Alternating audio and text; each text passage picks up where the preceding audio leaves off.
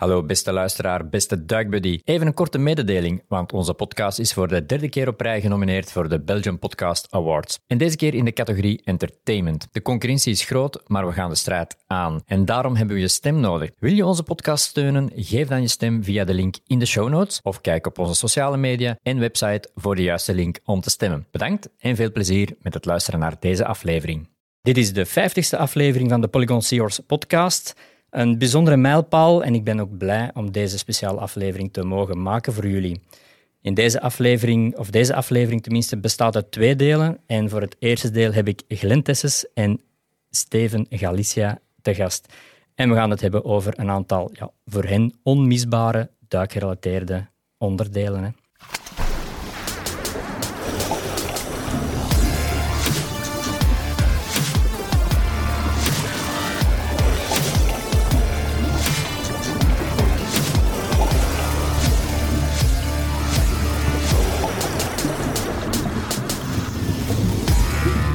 Polygon Seahorse podcast. Glenn, Steven, dank je om nog eens naar de studio te komen. Of nog eens, eens naar de studio te komen, want het is de eerste keer dat we hier uh, samen zitten. Um, de vijftigste aflevering ondertussen. Um, ik herinner het me nog alsof het gisteren was dat we die eerste aflevering met onze zessen daar ergens in Ruisbroek in een, uh, in een ruimte gingen opnemen met, uh, met ons allen.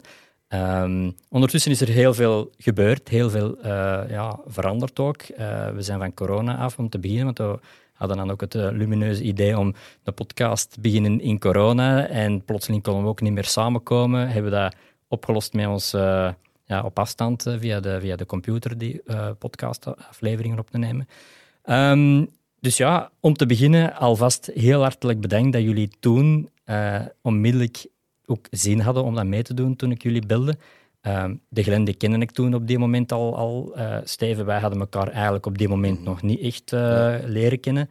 Um, en dat is ja, begonnen nu met de podcast. En eh, ik denk dat we ja, wel mogen zeggen dat dat voor ons allemaal best wel een heel positief verhaal is geworden. Hè. Um, in eerste plaats voor mezelf, omdat ik daar ook maar aan begonnen ben, ja, niet wetende wat dat ging worden. uit uit ja, bijna tijdverdrijf in de corona.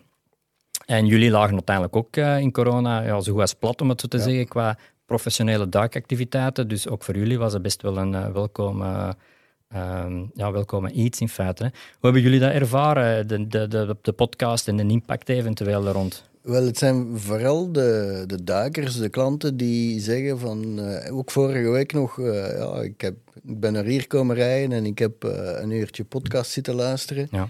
En de mensen vinden dat super interessant. Um, en het is niet alleen wat dat wij gebracht hebben, want hè, nu, je ziet dan de vijftigste. Uh, ik kan me niet echt meer herinneren wanneer dat we de laatste samen met ons klein mm -hmm. beginnersploegje hebben opgenomen. Ja, ik denk dat dat zo echt op het moment dat, dat de, lockdown wat minder was en dat er wat meer vrijheid terugkwam, waardoor dat de duikbusiness op zich ook mm. terug wat begon te draaien.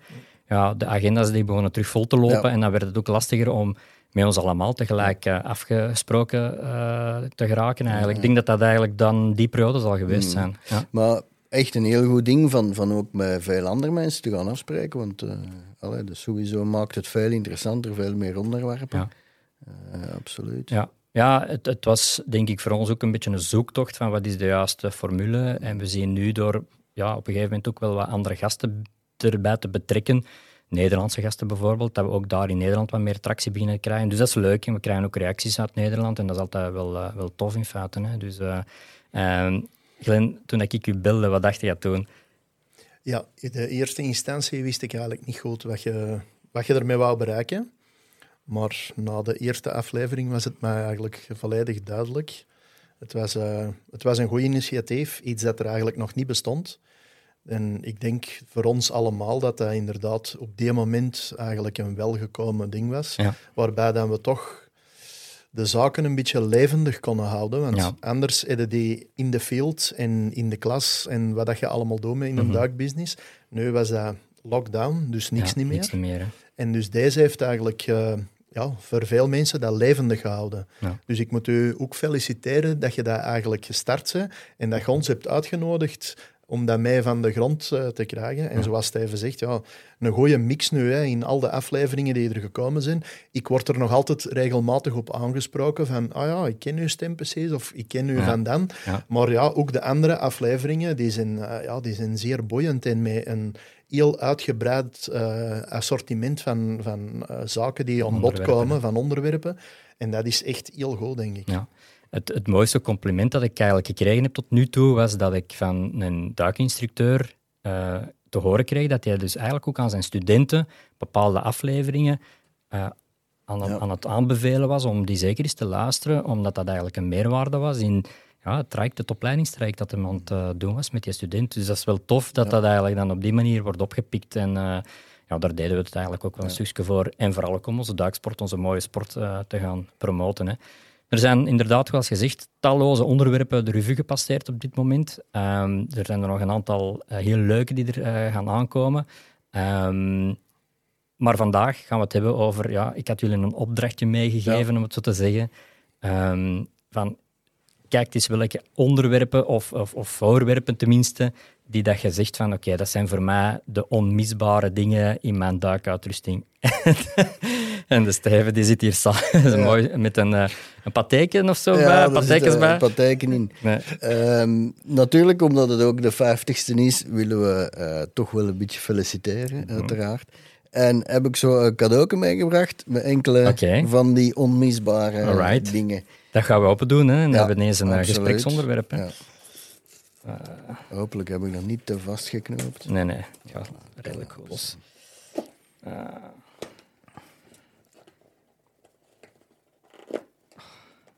Ja, ik heb een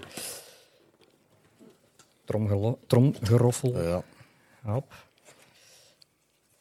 En daar zit in een busje met paprika, poeier. nee, het, eh, het fluorescent, dat is van Divesoft. En Ja. Steven, vertel. Wel, ons eerste onderwerp, en eh Glenn en ik, wij zijn eigenlijk, eh, ik denk dat dat voor ons allebei het, het eerste onderwerp was van onze vijf die we gekozen hebben. eh, gaat over veiligheid in taken. Dat is eigenlijk nog altijd het allerbelangrijkste. Naast comfort en gaan genieten van een onderwaterwereld, ziet veiligheid toch als op de eerste plaats. Daarom, we hebben een aantal verschillende items meegebracht, maar deze zijn er, zijn er twee van. Eh, de fluorescent eh, dient om, als je verloren geraakt op zee, om een ehm, duidelijk signaal te kunnen geven van zodra dat je eigenlijk eh, een helikopter of vliegtuig eh, hoort overkomen, kan je dat poeder uitstrooien en heb je eigenlijk een enorm grote eh, groen-gele fluoriserende vlek Ah, op het water. Die Daar toch wel een tijdje blijft. Dus dat paprika-kleurig poeier, dat verandert in, in fluo-groen-geel. Ja. Ah, Ja. Cool. Dat reageert met het water. Maar het is eigenlijk, gelijk Steven zegt, dus vooral voor iets van bovenaf. Ja. Want anders dan zie je het Ja, niet. Dus het moet ja. helikopter of vliegtuig zijn. Dus je moet eigenlijk wel eh, even wachten tot als je denkt van... eh, eh, er komt toch iets over. En Ja. ze beginnen te zoeken naar ons. Want het is wel zo, als je verloren raakt op zee... ehm, van bovenaf een duiker spotten is heel, heel moeilijk. Ja, omdat je eigenlijk ja, echt... Zwart spelt, uitrusting, ja, noem maar op. Ja, en dat is- spelt in, een, in, een, in een hooiberg. Ja. ja. Eh, daarom, dat is één eh goed, eh goedkoop, eh, eenvoudig middel om toch eh Ja, en dat is ook makkelijk weg te steken in je jacket eh, of in je zak van je droogpak opzij. Dat is makkelijk weg te steken, zoiets. Hè. En is ook milieuvriendelijk. En milieuvriendelijk, dat is ook niet, absoluut ook wel belangrijk. Hè. Alright, cool. Dankjewel. Handig. En dan dit is de Cut Hero. Ja, er zijn een aantal verschillende snijgereedschappen eh, op de markt. Eh, dit is er eentje van, dat is een, een recenter eh, product, dat nog redelijk recent is, met ehm, een keramisch eh, snijmes erin. Mhm. Dat eigenlijk niet kan roesten. eh, en dat ook niet op, op eh, draad, visdraad, netten, dergelijke, ook niet snel bot zal worden. Ja, dus, ja, ja. Dat blijft vrij lang goed. Een line cutter, altijd nuttig, denk ik inderdaad. Zo vind ik persoonlijk eigenlijk een soort van standaard element moeten zijn van een wel. duiktruksting. hè. Zelfs voor gewoon maar te duiken in de oosterschelde. Een mes is niet altijd even zeker, hè. handig. Ja, een mes is niet altijd even handig, zeker om netten en zo verder Mhm. te gaan snijden, want dan kan het zijn dat je met je beweging je verder en verder Mhm. vastzet in dat net. Er zijn mensen die geven van die nette trainingen in zwembaden, dat is altijd Mhm. heel interessant. Eh, even googelen, want eh, zelf doen Goeie we tip dat trouwens. Misschien is het ook wel eens tof om daar een eh, aflevering rond te doen. Inderdaad. Wij doen dat zelfs regelmatig in, eh, in de club, in, aan ons mensen Ah ja, eigenlijk aanleren hoe dat ze zich moeten gedragen Ja. wanneer dat ze vastzwemmen in een net of met visdraad. Dat ze dus rustig moeten blijven Ja. en dan eigenlijk snijden en niet te veel bewegingen Ja. maken, want daardoor gaat u eigen eigenlijk vaster. nog vaster maken. Ja. Alright, En top. die cutters is, is zeker eh, aan iedereen aan te raden, niet alleen technische duikers, Nee. maar ook de beginnende en recreatieve duikers, omdat het, ja, het is heel scherp. Je kunt een redelijk dikke koor mee doorsnijden. Mhm. En eh, het is handig en makkelijk weg te borgen. Je Ja. zit niet meer met die, met die grote Nee, messen aan je ja, been. ja, ja, dat is wel heel chic en macho. Dat is van vroeger. Maar eh, het is ook een, een attribuut waar je je eigen mee kunt vastzwemmen. Ja. En nu, velen Ja, van absoluut. ons, die doen dat op hun computer, op Of op hun inflatorslang, Ja. allee, Ja. op, eh, aan het harnas van, van de wing. Of, eh. En daar is dat eigenlijk direct te pakken en te handelen. En te handelen. Great. Merci. Leuk, leuk, leuk. Zeer nuttige eh, ja, onderdelen. Ik ga daar zeker en vast een, eh, een plaatsje geven in mijn configuratie. Helemaal goed, dankjewel. We hebben zo nog wel een paar eh, dingen meegebracht. Bijvoorbeeld, iets dat is ook wel, waarschijnlijk wel gekend is, al dat is, Ja, dat is eigenlijk hetgeen wat je net zei. Als je van bovenaf kijkt, een, een, een, een, een Noordzee bijvoorbeeld, met daar nog een duiker in zwarte uitrusting in, vinden nooit Ja. in terug. Hè. Ja. En de, gelijk, het, gelijk het eerzee is het eigenlijk ineens in een kap gedaan, Ja. hè, wat eigenlijk ook wel goed is. Maar mensen die dat niet hebben, bijvoorbeeld aan boord heb ik er ook zo'n aantal, daar is het eigenlijk gewoon een overzet kapje dat je, dat je aandoet. Het is zelfs op veel charters op de Noordzee is het eigenlijk al een verplicht item. ja. Dus daar krijg je dat sowieso eh, mee, want anders spring je niet van boord. Dus en dat is belangrijk ook. Maar zelfs dat, eigenlijk Steven zegt, voor van boven, zelfs zo'n klein kapje in die grote Nee, nee, donkere nee. zeeën is niet, eh, is niet voldoende. Dus extra, extra hulpmiddelen, zoals dat poeder bijvoorbeeld, is echt wel een must. Hè. Ja, en zo zijn er nog natuurlijk. Ja, we hebben in het verleden met, eh, met eh, Dan Europe ook al eens een aflevering gemaakt over ja, middelen om u ja, kenbaar, zichtbaar te maken. Ehm, ja, er zijn er heel wat, hè, zo van die streamers die dat dan uitrollen, dat je zo'n lange Ja. fluo lijn Ja. hebt, spiegeltjes. Eh, het zijn allemaal hulpmiddelen die dat eh, zo banaal lijken in eerste instantie, maar wel levensreddend kunnen zijn uiteindelijk. Hè. Ja. Ehm, zelf al ooit in zulke situaties terechtgekomen of meegemaakt? nee. Gelukkig. Al, eh, al twee keren. Twee keer? ja, ehm, ja, op, de, op de Noordzee, waarbij dat er een anker losgeschoten is. En eh, de ploeg die aan boord was, dat ook niet direct gemerkt heeft. En dus niet attent genoeg geweest heeft. Dus die een boot die begint weg te driften. Na verloop van tijd zien ze dat wel, maar dan zitten dus al wel wat weg van de Mhm, plaats. mhm. Die duikers die komen ook boven. Die zien geen boot niet meer. En tegen dat dan alles Ja. eigenlijk opgestart zijn al is, zodanig ver van elkaar dan uitgedreven. zitten wel wat van elkaar weg. Dus, eh, en ook al is een, ja, een, een, eh, een boot die zich verkeerd positioneert ten opzichte van waar het de duikers gaan, gaan bovenkomen, en dan eigenlijk in de verkeerde richting eh, kijkt, waardoor dat je dus de ploeg ook niet, Dat niet vindt. mist, ja. Dus ehm, ik kan u verzekeren, als je zo een tijdje daar hangt zonder boot, dat dat spannend is. Ja, dat kan ik aannemen. Kan En ik dan, bedoel, Ja. wij zijn meestal nog eh allee, goed gekleed, een droog pak en dergelijke. Maar als je daar in een nat pak pak. hangt Ja. en die een tijd begint extreem langer te worden dan dat je eigenlijk voorzien hebt, dan Ja. begint je onder kool te geraken en je begint toch ook wel een beetje in paniek te geraken. Ja, natuurlijk. tuurlijk, absoluut, absoluut. Maar gelukkig goed afgelopen. Want eh, je zit hier nog. Ehm, Zo zijn er ook eh, eh, positiebepalers die eh je positie waar dat je je bevindt kunt eh, doorgeven. Eh, ik heb zoiets meegebracht van, van Garmin. Dat is eigenlijk eh, een toestel dat eh, communiceert met de satellieten. Maakt wel een, een abonnement noodzakelijk om Ja. te kunnen communiceren, maar dat kan ook per maand. Dus als je zegt van ja, pak voor twee ja, maanden een abonnement ja, voor in de zomer op de Noordzee te gaan. Maar ook nuttig voor bijvoorbeeld in de bergen te gaan wandelen als je zulke vakanties doet. Het toestel ehm, kent uw GPS-positie en kan alarm slaan met dan een boodschap te geven met de GPS-positie waar dat je je bevindt. Eh, je kunt er ook mee communiceren. Ehm, eh, eigenlijk komt erop neer dat je sms'jes kunt sturen. Dus je kunt eigenlijk ook Voorgeprogrammeerde sms'jes dan. Nee, zelfs eh, tekstberichten die Ah, je ja. kunt samenstellen.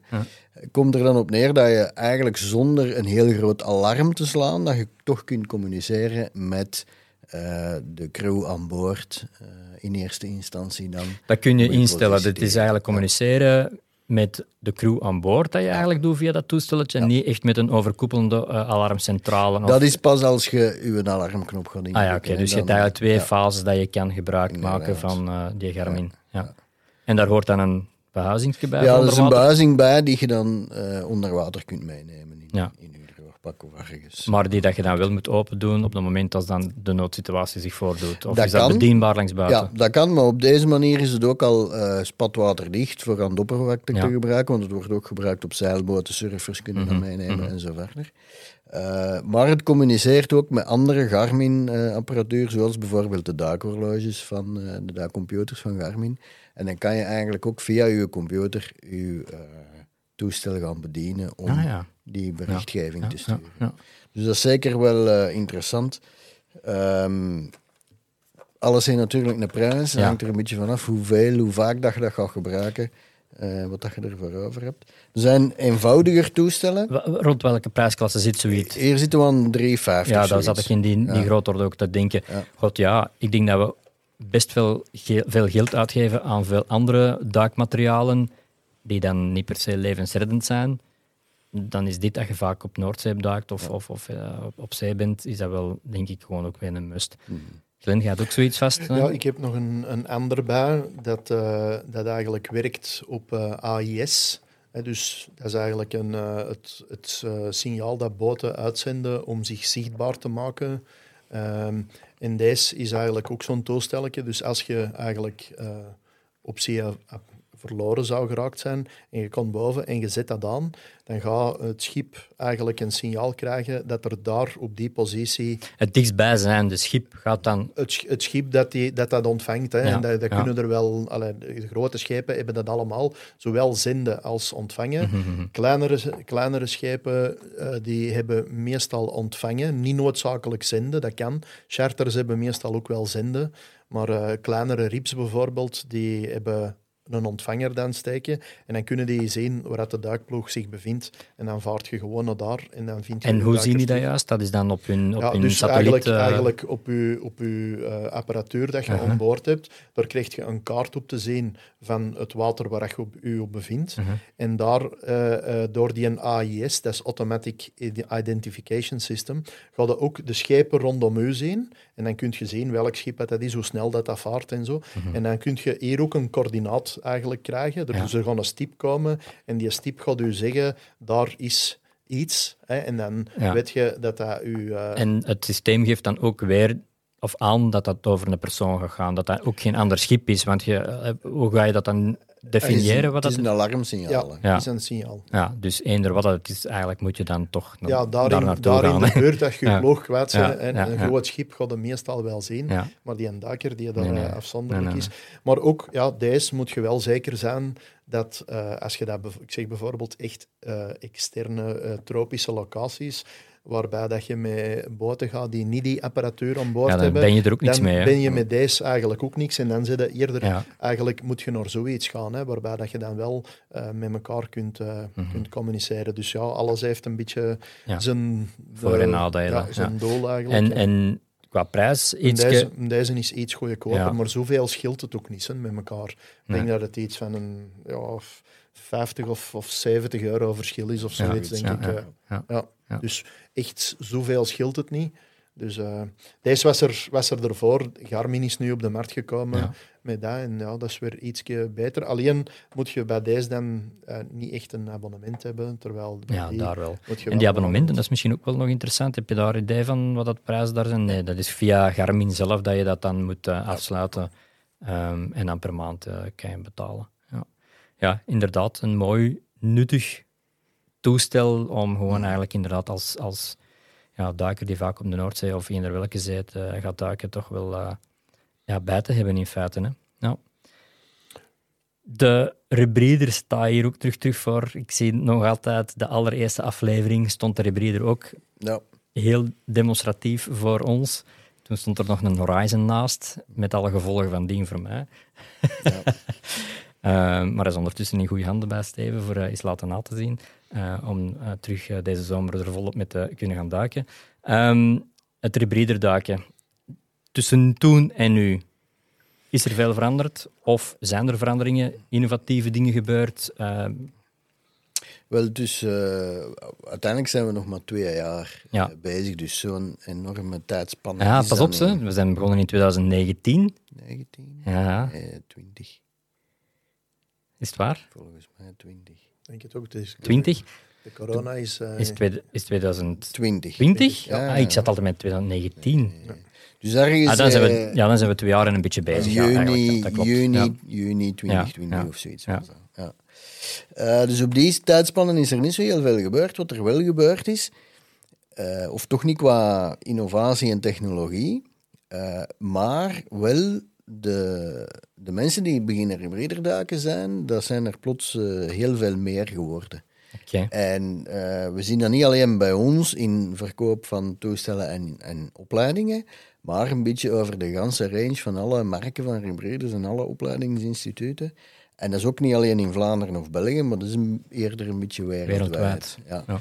Nu, misschien heeft eh, corona daar ook voor iets tussen gezeten.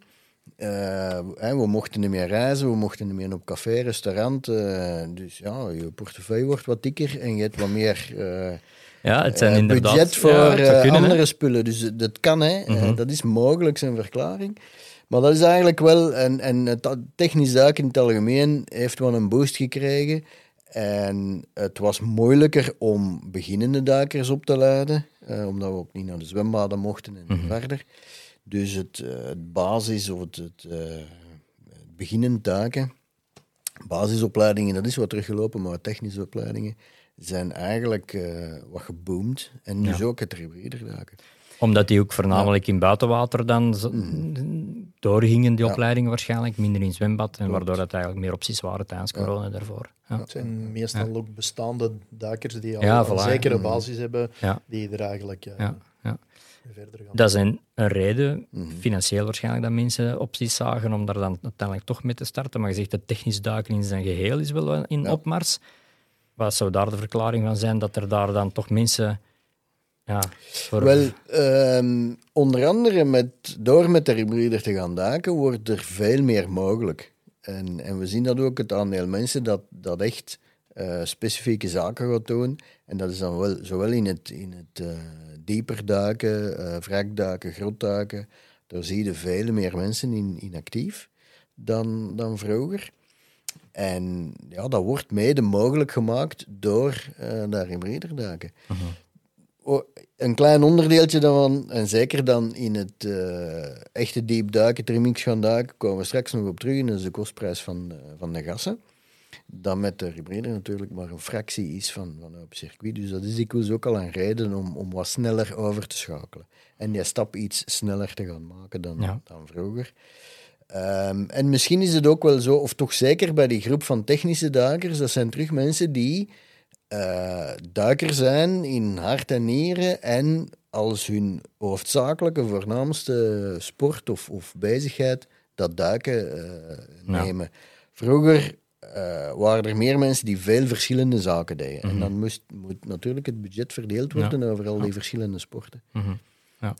ja, ik, De visualisatie aan de, aan de waterkant, denk ik dat ook zeker een, een punt is. Hè. Vroeger zag, kwam je op een duikplaats en dan zag je één hybrider en 50 eh, open circuitduikers. Ja. Tegenwoordig is dat, die, dat aandeel van rebreather is gewoon groter ontworden. Dus de mensen zien ook meer rebreathers aan de waterkant, zelfs hè, op recreatieve duiken. Het hoeft niet altijd uh, een, een, technische duik of een, een specifieke nee, nee, nee, duik te zijn. klopt. Het is ook gewoon, ja, je moet ook trainen natuurlijk Ja. en je moet het onderhouden met die rebreather te duiken, maar ze zien het gewoon en ze Ja. komen nu vragen van oh, hoe is dat en werkt dat en wat is het gewicht ervan en, en wat kun je er nou meer mee en hoe lang kun je Ja. ermee onder water blijven? Die kende vragen. En, en door erover te praten, ja, gaan die mensen ook ergens triggeren.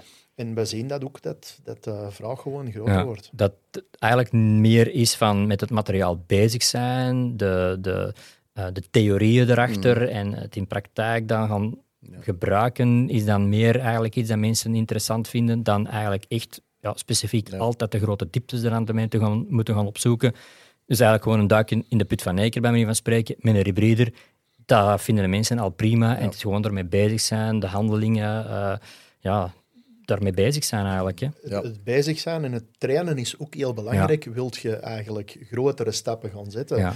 in wrak, diepte of Ja, ja, ja, grotduiken? ja, ja. Je kunt niet van eigenlijk juist met machine leren duiken plots eh, een, een, allee, grote doelstellingen bereiken. Dat Nee, gaat niet. nee, nee, Ja. nee. Doe het stap per stap doen en voldoende trainen ook. Ja, ja. Ook als je twintig dagen op een jaar gaat doen, ja, dan heb je die rebreather niet nodig. En dan wordt dat zelfs eigenlijk onveilig, omdat je te weinig traint. En dan wordt die uitgave ook eh, veel te groot om, om slechts twintig dagen op een jaar te gaan doen. Eh, als je graag gaat fietsen en je wilt een extra fiets, een mountainbike, maar je gaat maar zes keer op een jaar is, is Ja. het bos in, dan gaat je Ja. ook geen 10.000 euro aan een mountainbike geven. Nee. Terwijl dat, dat voor een de- dergelijke fiets wel een normale prijs is, ook Ja. zoiets. Dus dat hangt weer allemaal samen met, die, met de, ja, eerder de, de mindset van die mensen die dat doen. Die, die gaan daarvoor en die blijven eh, Dat consequent ook consequent onderhouden. veel doen. Ja. Ja. Ja. En, en dat is ook een vereiste om daarmee te kunnen. Ja, nee, dat snap ik. Maar als we dan gaan kijken naar, naar de voordelen dat dat biedt, ik heb er al eentje aangehaald, natuurlijk gasverbruik is veel minder. Glenn zei het, eh, je kunt veel langer wegblijven. Maar we hebben ook een voorbeeldje meegebracht van wat dat er eh, zich onder water afspeelt. Ja. Ehm, hoe kort dat je bij het onderwaterleven kunt komen, of dat, dat het onderwaterleven tot bij u komt. Je ziet dat duidelijk in de video, dat is toch wel een tandbaars van redelijk formaat en eigenlijk gewoon voor onze neus komt hangen en, en blijft hangen. Ja. En totaal geen schrik heeft omdat we geen lawaai maken, geen bellen maken. Ehm, en ja, die komt op een gegeven moment op een paar centimeter van mijn masker. Ja, Dat is- ja, ja. want in, fantastisch. het, het, dit is. eh, zelfs zien we het inderdaad vanuit de, de, de point of view, zeg ik maar zeggen, vanuit een duiker. Mhm. Zie je hem echt gigantisch dichtkomen, die tandbaars. Hè. Ja, ja het, is, het is inderdaad. Hè, het is een, ook een heel andere manier van duiken. Het is een, een, eh, meer de, een beleving dat je daar ook wel rond hebt. Dat is de, de, de video dat je dan eigenlijk de tandbaars echt heel dicht ziet komen. Hè. Het is ook vooral een, echt een, een rust onder water. Ja, voilà, het is echt de beleving hè, dat Ja. je dan hebt. Hè. Het is Want- een totaal ander dan, dan met open circuit in feite. Hè. Want duiken op zich zou al een, een zengevoel, een rust moeten geven. Maar met die rebreather, doordat je echt geen lawaai meer maakt, allee, of bijna geen lawaai Ja. meer maakt, is het echt eh, Ja. ja, nog beter, waardoor dat deze het resultaat is natuurlijk. En het heeft ook veel minder impact op eh, de omgeving. En dat is dan weer belangrijk in, in wrakken bijvoorbeeld en in grotten, waarbij dat de bellen ja, zich tegen de bovenkant eh uiteenspatten en ook dikwijls materiaal naar beneden laten Ja. dwarrelen. In grotten is dat voor de zichtbaarheid, Ja. wrakken ook wel, maar ook eh, de impact van eh, ja, het, het, het wrak Het water en het- feiten. ja. Ja, ja, ja. ja, ja. ja, inderdaad. Ja, zie hoe dicht dat dan komt. Hè. Ja. Ja. Waar is deze gefilmd trouwens? Dat is in Malta, op een wrakje, dat is zoiets van een 34 meter Ah, diep. Ja, het is zo, allee, een terechte opmerking. Het, je- als je de keuze maakt van ik ga met rebreather duiken, semi-closed of eh volledig full-closed rebreather, ja, het, het is een bepaalde toewijding dat je toch moet, eh, moet, moet, moet hebben. Want uiteindelijk, er komt wel wat voorbereiding aan te pas elke keer dat je gaat duiken. We hadden het eh daar straks ook even eh, erover. Hè. Ik zelf, ik mijn Horizon ligt al heel lang stil, gewoon omdat daar, ja, dat ik dat zelf ondervind van, je daar dan de tijd niet voor om daar mee, bezig te zijn, die voorbereidingen. Het is, het is toch nog net iets anders dan rap een 12 liter in een auto gooien en, en, en, en gaan duiken en, en klaar. Ehm, dus ik snap wel dat het iemand moet zijn die dat toch wel ja, zegt van oké, ik wil daar heel toegewijd mee gaan, gaan, gaan, eh, gaan duiken en mee gaan bezig zijn uiteindelijk. Het klopt wel dat het, dat het iets meer voorbereiding uh, nodig heeft om je machine te prepareren en, en op te starten en te testen. Aan de andere kant mag dat ook de mensen niet afschrikken. Want uiteindelijk, als je je materiaal, je gewoon open circuitmateriaal te gooi uh, prepareert, Ja, onderhoudt, ja. alles goed test, Mhm. eh, nadien ook alles goed spoelt en zo, dan is die een tijd niet zoveel verschil. Er is uiteraard verschil. Hè. Er komen meerdere zaken bij kijken. Maar het is niet zoveel. De mensen moeten zich daar zeker niet laten door afschrikken. Mhm. En het is het echt waard om te doen. Komen we bij het prepareren en het, eh, het in orde maken van de toestellen, dat dat wel zeer belangrijk is dat je dat echt minutieus en correct doet. En eh, daar wil ik toch ook wel pleiten. ik heb er hier bij me, Steven heeft er ook onze machine hangen, dat eh, niet alleen beginnende duikers die met een rebreeder duiken checklisten moeten gebruiken, maar dat eigenlijk ervaren duikers ook checklisten moeten gebruiken en die keer op keer gebruiken. En dat kan eh, in de vorm van een papier zijn, dat kan in de vorm van een kaartje zijn, hè, waar dat, op gedrukt is. Dat is tegenwoordig is dat op de telefoon, waarbij dat je Ja. alle stappen minutieus afloopt. Maar je moet dat doen. En je moet dat echt te gooi doen. En als je dat doet, dan gaat je machine ook perfect geprepareerd zijn. En dan gaat je geen gekke dingen hebben van flessen die leeg zijn of scrubbers die niet goed gevuld zijn of er niet in zitten. Want als je dat keer op keer doet, dan staat dat eigenlijk echt zwart op wit. En dat is belangrijk. Ja. En we zien toch wel dat niet alle mensen dat doen. En dan krijg je eigenlijk gelukkig... Met Toch wel best gevaarlijke toestanden. Gevaarlijke Want dan kom toestanden. je terug tot het stukje eh, hoe betrouwbaar is het. Hè? Want dat is dan vaak de volgende vraag dat mensen stellen van ja, ja, allemaal goed en wel. Maar eigenlijk ligt je leven in handen van een computer. Om het zo even kort door de bocht te zeggen. Voor een stuk wel, maar dat doe je op de baan met je auto ook. hè. Ja, dat is waar. Ja, Er zit ook, eh, dat ding zit ook vol elektronica. ja. Dus daarom, zoals Glenn zegt, die, die checklist is gewoon super belangrijk. we kennen ondertussen helaas veel mensen die eh, daar al fouten tegen gemaakt hebben en, en dat hebben moeten bekopen. Eh, gelukkig, met, eh, dikwijls gelukkig met, met, enkel rode wangen. Ja. Hè? Zonder al te zware gevolgen. Maar er zijn toch wel mensen geweest die op het nippertje ontsnapt zijn aan heel ernstige zaken. En eh, ik geloof best dat die nu zeker en vast heel consequent hun checklist gaan gebruiken. Uiteindelijk moeten dat ook niet bekijken als, als een last. Hè. Het, is, eh, het is gewoon een onderdeel van. Je wilt ook niet als je eh, een vlieger instapt naar je favoriete reislocatie, dat die piloot zegt, oh, die checklist vandaag gaan we dat eens niet doen. Dat heb je niet graag. hè. Nee, nee, Dus eh, uiteindelijk neemt dat enkele minuten van uw tijd. Maar dat geeft u ook gewoon een geruster, comfortabeler gevoel je te water. eh, Ja, nee, en niet alleen voor heel diepe duiken, maar voor elke duik opnieuw. Heel simpel. Ja, ja. De, straks zei je ook van, eh, uiteindelijk naar gassen toe is dat nog best de meest goedkope oplossing op deze moment, want er is wel wat aan het gebeuren Ja. voor de mensen die op een circuit willen gaan, eh in Inderdaad, eh, bijvoorbeeld. Hè. eigenlijk nu toevallig gisteren kreeg ik het laatste factuur van, eh, van de gasboer, zeg maar. eh, met de prijs van een helium, op en ik viel van mijn stoel. Daarom, mijn volgend item dat ik meegebracht heb, is eh, een klein flesje met Trimix in. Dat is eigenlijk specifiek een hybride flesje met een, een mengseltje in. Zo eigenlijk dan, hè? Ja. Ehm, de prijs was in oktober vorig jaar al eens met 10, 12 procent omhoog gegaan. En nu is er 48 procent bijgekomen. Dat is eh, verschrikkelijk. Verschrikkelijk nieuws, vooral voor de open circuitduikers. Ehm, als we vlug even eh, gaan rekenen daar straks. Een dubbel 12, eh, 220 bar met een, een normoxic gas in voor, eh, voor 60 meter duiken. met 2040 in. Was tot eergisteren 136 euro voor zo'n vulling. Hè. Je gebruikt er dan twee derde van, dus je hebt nog wel wat over. En, en de volgende vulling is dan iets goedkoper. Maar als je dat vandaag dan aan de prijs van vandaag moet rekenen, dan is dat 191 euro.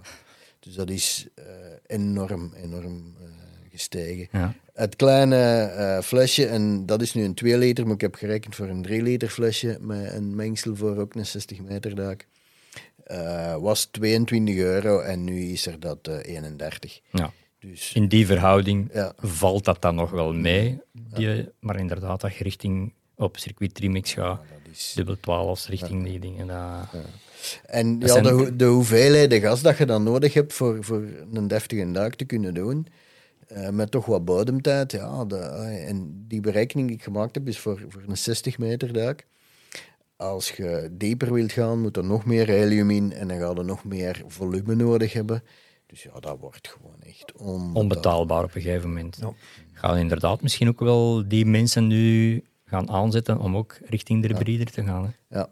Nu echt de hypoxic trimmingsduikers in open circuit, dat, die worden echter wel... eh allee, dat is al een Uitzonderingen. dat dat uitzonderingen zijn. Ja. En die meeste mensen die zijn al wel overgeschakeld op, Ja. eh, op ja. Er zijn nog diehards die dat niet doen, maar het is inderdaad Ja, zo. dit- Wij zien ook dat de oplading... Als ze, als ze nog eens een oplading volgen in open circuit, dan is het eigenlijk meestal om wat bagage bij te hebben, alvorens dat ze de stap er Ja. naartoe zetten. Ja. Maar ik denk nu, met die kostprijzen, als je een weekje gaat duiken, eh, met de prijzen dat we, dat we nu spreken, dan zitten eh voor vijf duikdagen, diepe duiken dan spreek ik, dan gaat er misschien boven de duizend euro on, eh, Ah, gas alleen on zitten. gas alleen zitten. Dus dat is, allee, dat is niet meer even zeggen Nee. van ik kon deze opleidingskennis volgen Nee. om een beetje bagage bij te doen, dan begin je te denken. En dan zeggen ze ook, ja, dat gas, als ik zo een paar duikverloven doe, dan heb ik eh, Ja, een hybride. Hè? exact. exact. Dus- Als we dan toch over prijzen bezig zijn, is er daar ondertussen al iets eh, gebeurd in de prijzen van de hybriders? Want dat is met alles zo, alles wat dat nieuw is, dat zijn best pittige prijzen. Gelukkig zijn die niet zo gestegen zoals andere duikmaterialen. Want ja, alles is duurder geworden. Helaas al het duikmateriaal ook. We hebben, ik denk vorig jaar hebben we drie keer prijsaanpassingen gekregen van alle grote merken. Dat is verschrikkelijk om, om bij te houden. Om, om dat, eh, dat kost zoveel tijd om ermee bezig te zijn. We vinden dat ook niet leuk, want ja, eh, voor onze klanten wordt dat allemaal wat duurder. Eh, maar gelukkig zijn de hybriders daar ehm, niet in, die, in datzelfde elan met de prijzen omhoog gegaan. Dus eh, dat valt gelukkig. Maar ook niet goedkoper geworden, Ja. Ik denk niet dat we dat, dat, dat we dat ooit meemaken. gaan meemaken, dat Nee, alles nee. goedkoper wordt. Nee. Het is ook meestal ja, de, de raw materials die, die ook meestijgen. Maar gelijk als Steven zegt, bij de, bij de andere eh, merken en, en, eh, en vooral producten hebben we dat echt serieus zien stijgen. Waarbij dat de, de eigenlijk meestal nog een jaar dikwijls dezelfde prijs hebben gehouden. En dat ze eigenlijk een één of twee stappen hebben overgeslagen ten opzichte van de andere. Dus daar eh, is dat gelukkig niet gestegen, want het kost op zich allemaal al wel wat geld natuurlijk. Wil dat dan zeggen dat, dat er toch nog wel gaat eens aankomen op een gegeven moment? Waarschijnlijk wel. Of... Ja, niemand weet dat natuurlijk ja, op voorhand. Ja. Als, eh, het, er, allee, er, zit wel, er zit wel wat metaal en, en, Mhm. en plastics aan. En die prijzen, die grondstoffen om dat te maken en te bewerken, die zijn gigantisch gestegen. Alles lijkt uit Oekraïne te komen tegenwoordig. dus eh, nee, maar dat is echt gigantisch gestegen. Waarbij ja, dat die om een deur moeten volgen gewoon. hè, want Met andere woorden, het is nu de moment. Hè. Absoluut. Yes. voilà, voilà. Jullie hebben nog van alles bij. Hè. Ik zie daar aan uw kant eh, nog iets staan. Ja, dat is eigenlijk... eh, ik wou niet de volledige machine, want we moeten het hier een beetje... Ja, het, is, het is groot, maar ook niet zo groot. Ja. Dus ik heb eigenlijk gewoon eh, de kopies meegebracht eh, die van, de, van de Liberty, Divesoft Liberty. Dat is eigenlijk, laat ons zeggen, het hart van de machine. Mhm. Dus hier zit alle elektronica in die eigenlijk uw machine automatisch eh gaat laten functioneren. En Dus- is dat de kop van de side mount? eh, Deze- of is dat... Nee. Deze kop, en ik zal het u even laten zien, hè, er zit een deksel op.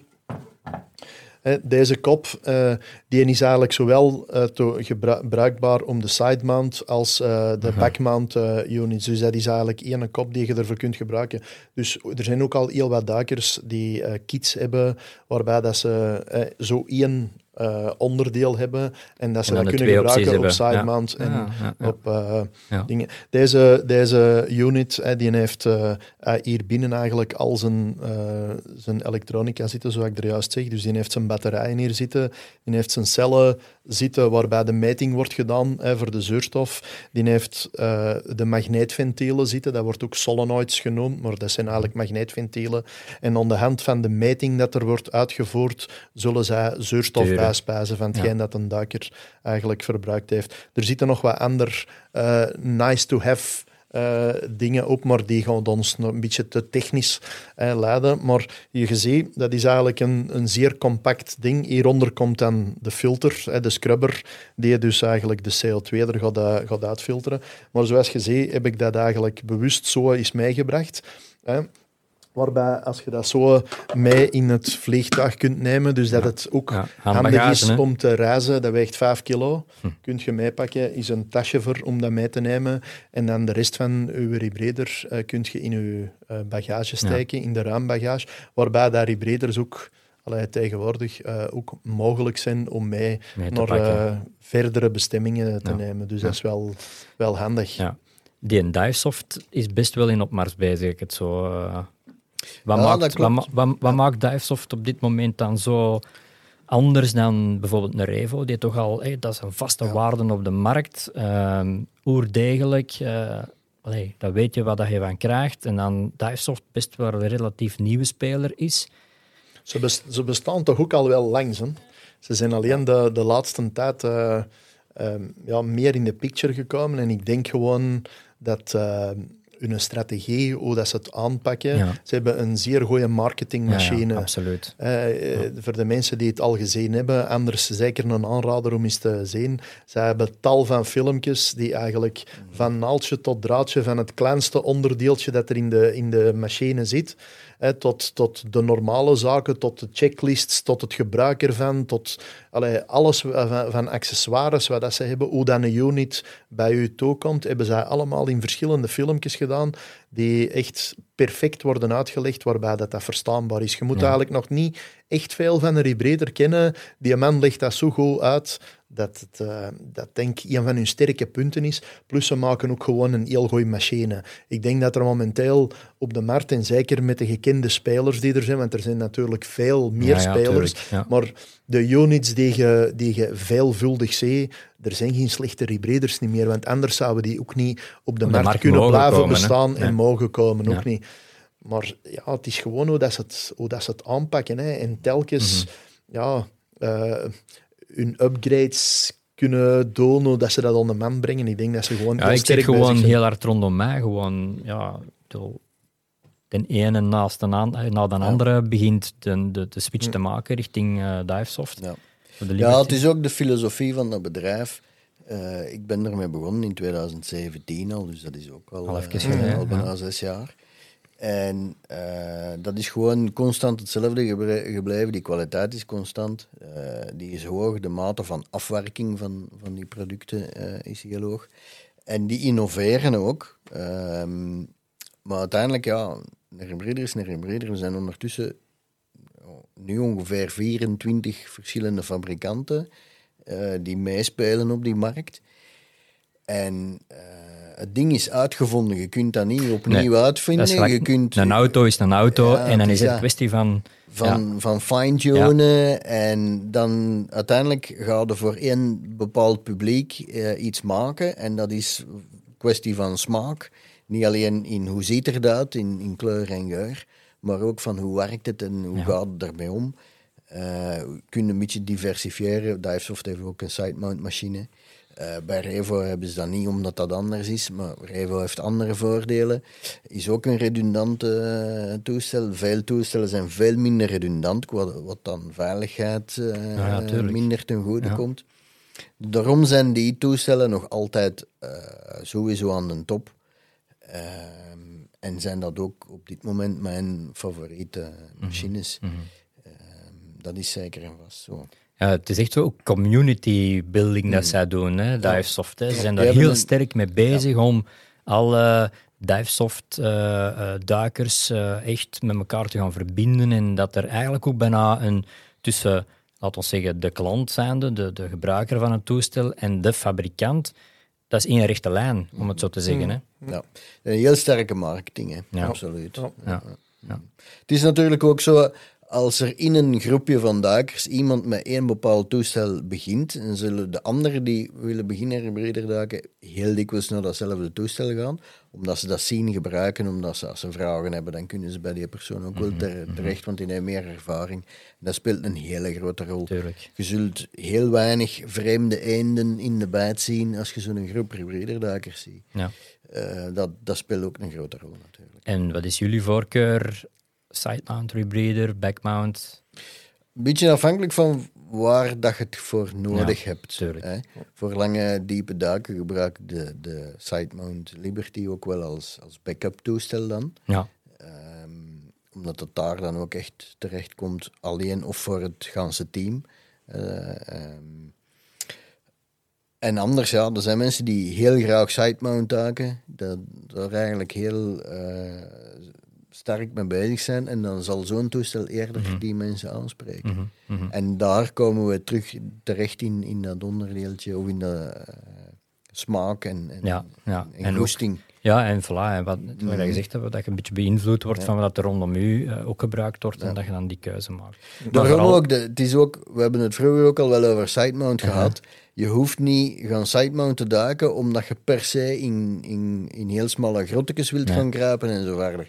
Sidemount duiken is een manier van werken die, die ook heel comfortabel duikt, ook voor mensen die, die gewoon op een circuit duiken. Ja, Ehm, dus het is gewoon een manier van, van, Ja. van duiken. ja.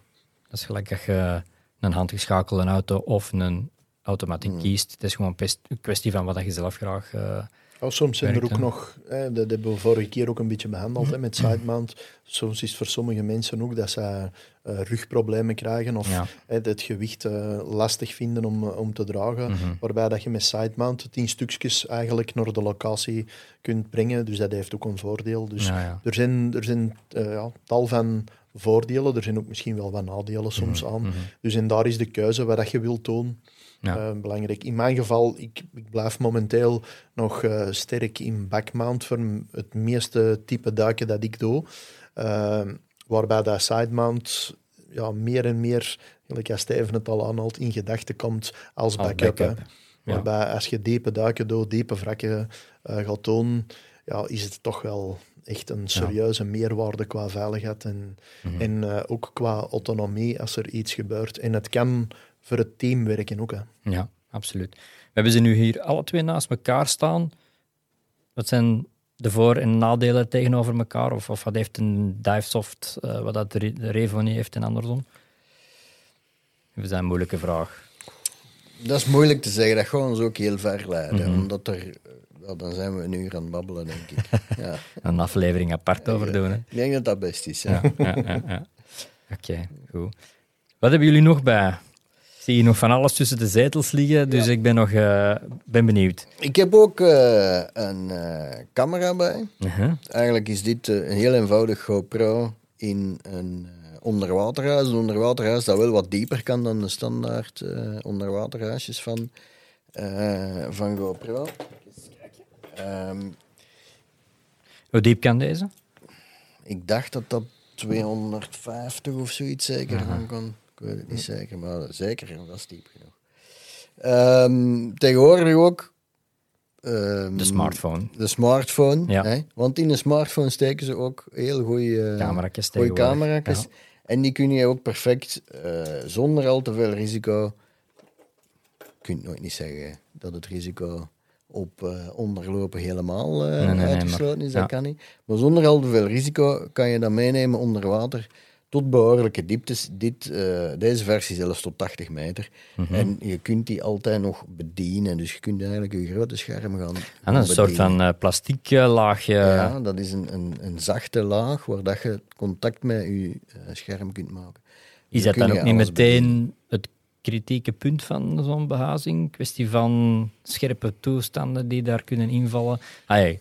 We gaan ervan uit dat je, zo'n dat je een behuizing, we gaan dat allemaal met de nodige zorg behandelen natuurlijk. Eh, daar gaan we allemaal wel van uit. Als je voor je standaardcamera met, met opzetlenzen, als je daar een downpoort op zet, Je bent ook voorzichtig. hè. ja, dan moet je daar ook heel voorzichtig mee Ja, zijn. natuurlijk. Simpel.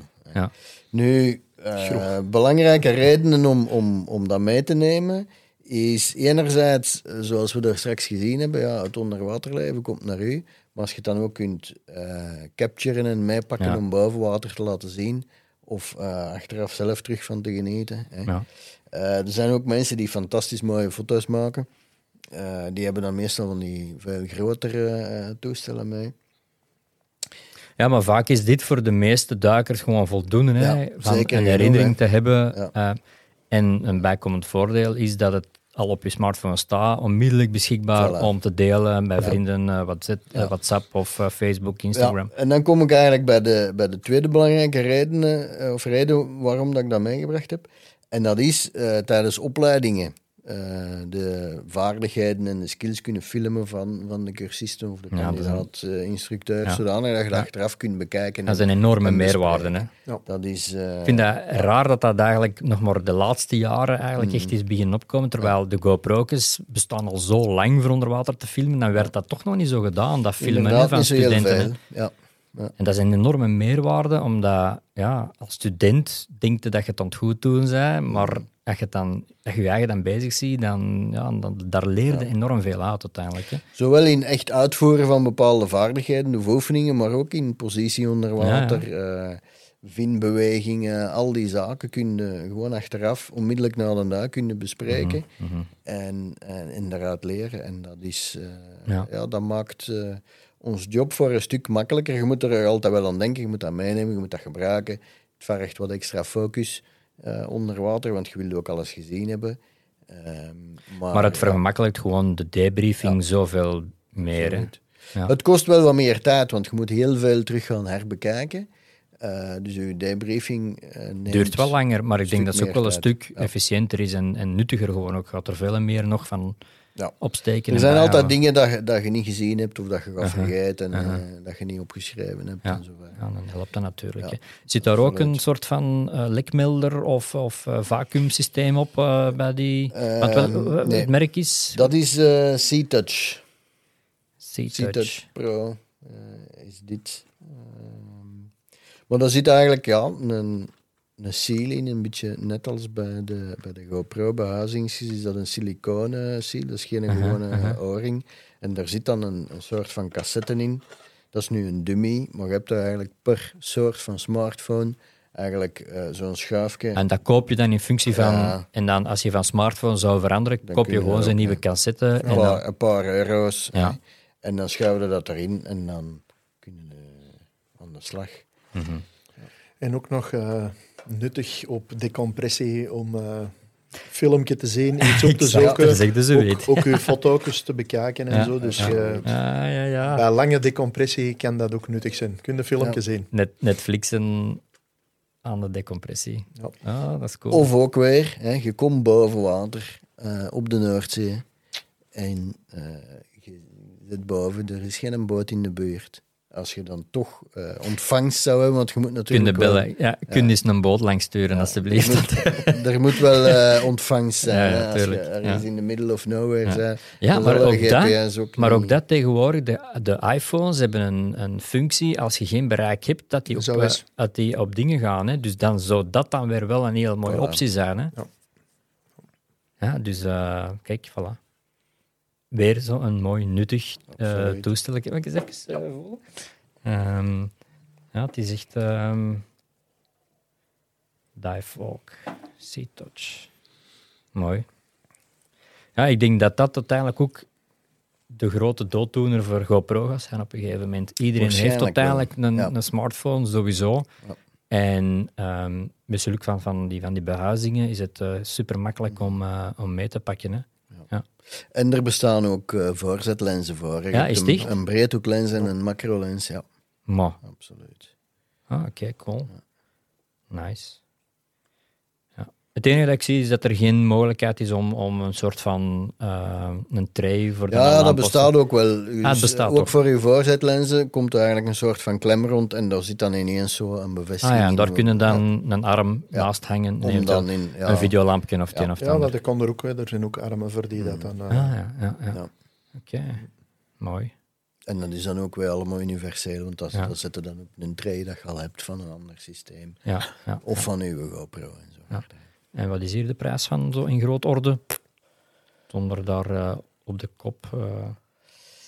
Ik meestal zo die eh, behuizingen... denk een 7, 7, 800, denk ik. Ja, toch? Nee, nee, nee, zoveel is dat niet. Ik weet het niet van buiten, maar Ik, ik, ik denk zat zo rond de eerder iets- 350, iets de van, 400 te denken. Iets van rond de 300, denk ik, ja. Ja, toch? Zoiets, ja. Glenn denkt dat duurder is. Ik denk het wel, maar wat wat ik Dat is kan niks, we maar gaan, vergissen. we, gaan, we, gaan het, we gaan het opzoeken en we zetten het in de show notes. Eh, Ja. Dan eh, Ja.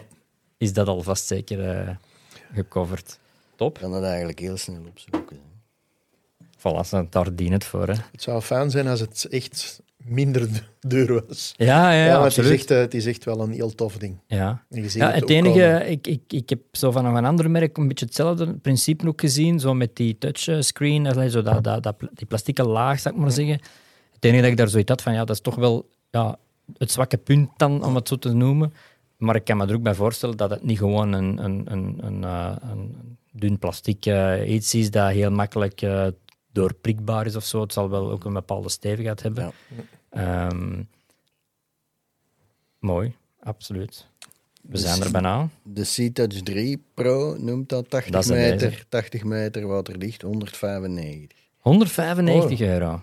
En de, er is, er, is er nog een die dieper kan ook? Eh, nee, want de volgende, de opvolger, de 4, kan terug slechts naar 60 meter. Oh, Dus eigenlijk een beetje een... eh, Ja, ik, heb het, eh, ik heb het ander voor. Er bestaat ook een beetje gelijkaardig van een ander merk. ja, Maar het even ontgaan. En daar is het gefreesd uit een, een blok aluminium, Mhm, zal ik mhm, zeggen. mhm. En die zitten in de prijsklasse 700, 800. Dive... Nee, dat is deze. Dat is dat, Volk. ja. Ja, de- eh, Ander, ja. ja, ik ben het ook kwijt, maar ik denk dat we alle Ja. twee hetzelfde en denken. die hè? gaan, die gaan ja, plus 100. Aha, Oké, dat is natuurlijk ook Ja. een verschil. Ja. maar ja, 60 meter, laten we zeggen, nee, voor de recreatieve ja, duiker. Voor ook- de meeste mensen is dat, Ja, absoluut prima, hè. voldoende. Hè. Ja. Ja, En als je van, van smartphone verandert naar een andere inzaart, dat kost een paar euro, die, Ja. die inzaartjes. en ik zie hier een bliksemschichtje en een wifi-tekentje.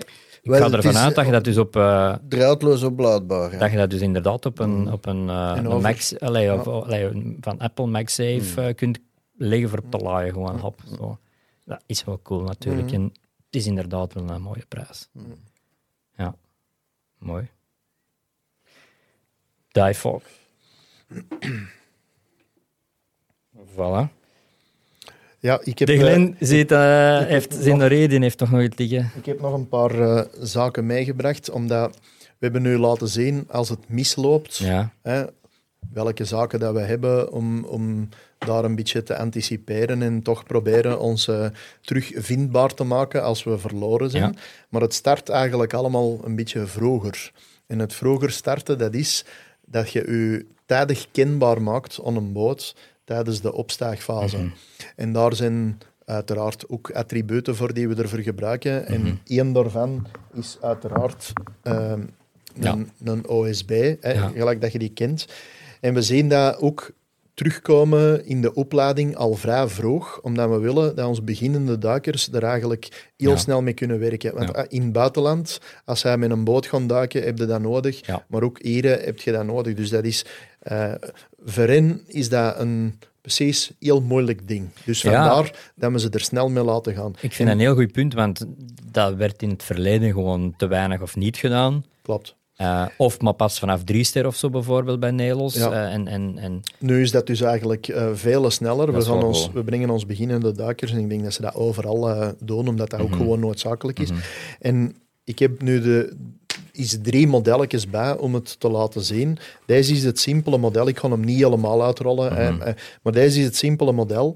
Wat dat heel belangrijk is, en dat zeg ik toch altijd tegen de mensen. hè, er, zit, er zit hier een soort ja, eendebek in, gelijk kan wij Ah, zeggen. ja, ja, hè. dus dat, is zo'n beetje een trechter. Waarbij als je die een opblaast, hè, deze is een om op te blazen met een ontspanner. Als je die een opblaast en dat, die een OSB die gaat naar boven, die gaat zo in een dwarrelende beweging naar boven. En die komt aan de oppervlakte dat die ook zijn lucht niet kan verlezen. Er zijn veel goedkopere alternatieven op de markt, waarbij het gewoon een open gat is van onder. Zo een heb ik er nu niet bij.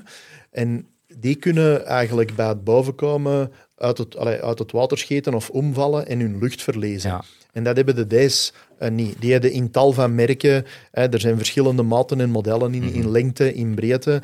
We- Ik raad toch ook altijd aan van minstens ergens in de buurt van een meter en een half eh, lengte te zitten en een, een 20 Want dat, is centimeter. dat is een redelijke brede Ja, deze. ja. een 20 centimeter breed. Ze mogen smaller zijn, maar voor, eh, ik bedoel, als je aan het trainen bent in, in simpele duiklocaties, is de smaller en voor te oefenen perfect. Mhm. Maar als je op de zee zit, hè, is het toch belangrijk dat je een grotere en een langere bij hebt. Dus dan deze, hè, simpel opblazen met een ontspanner.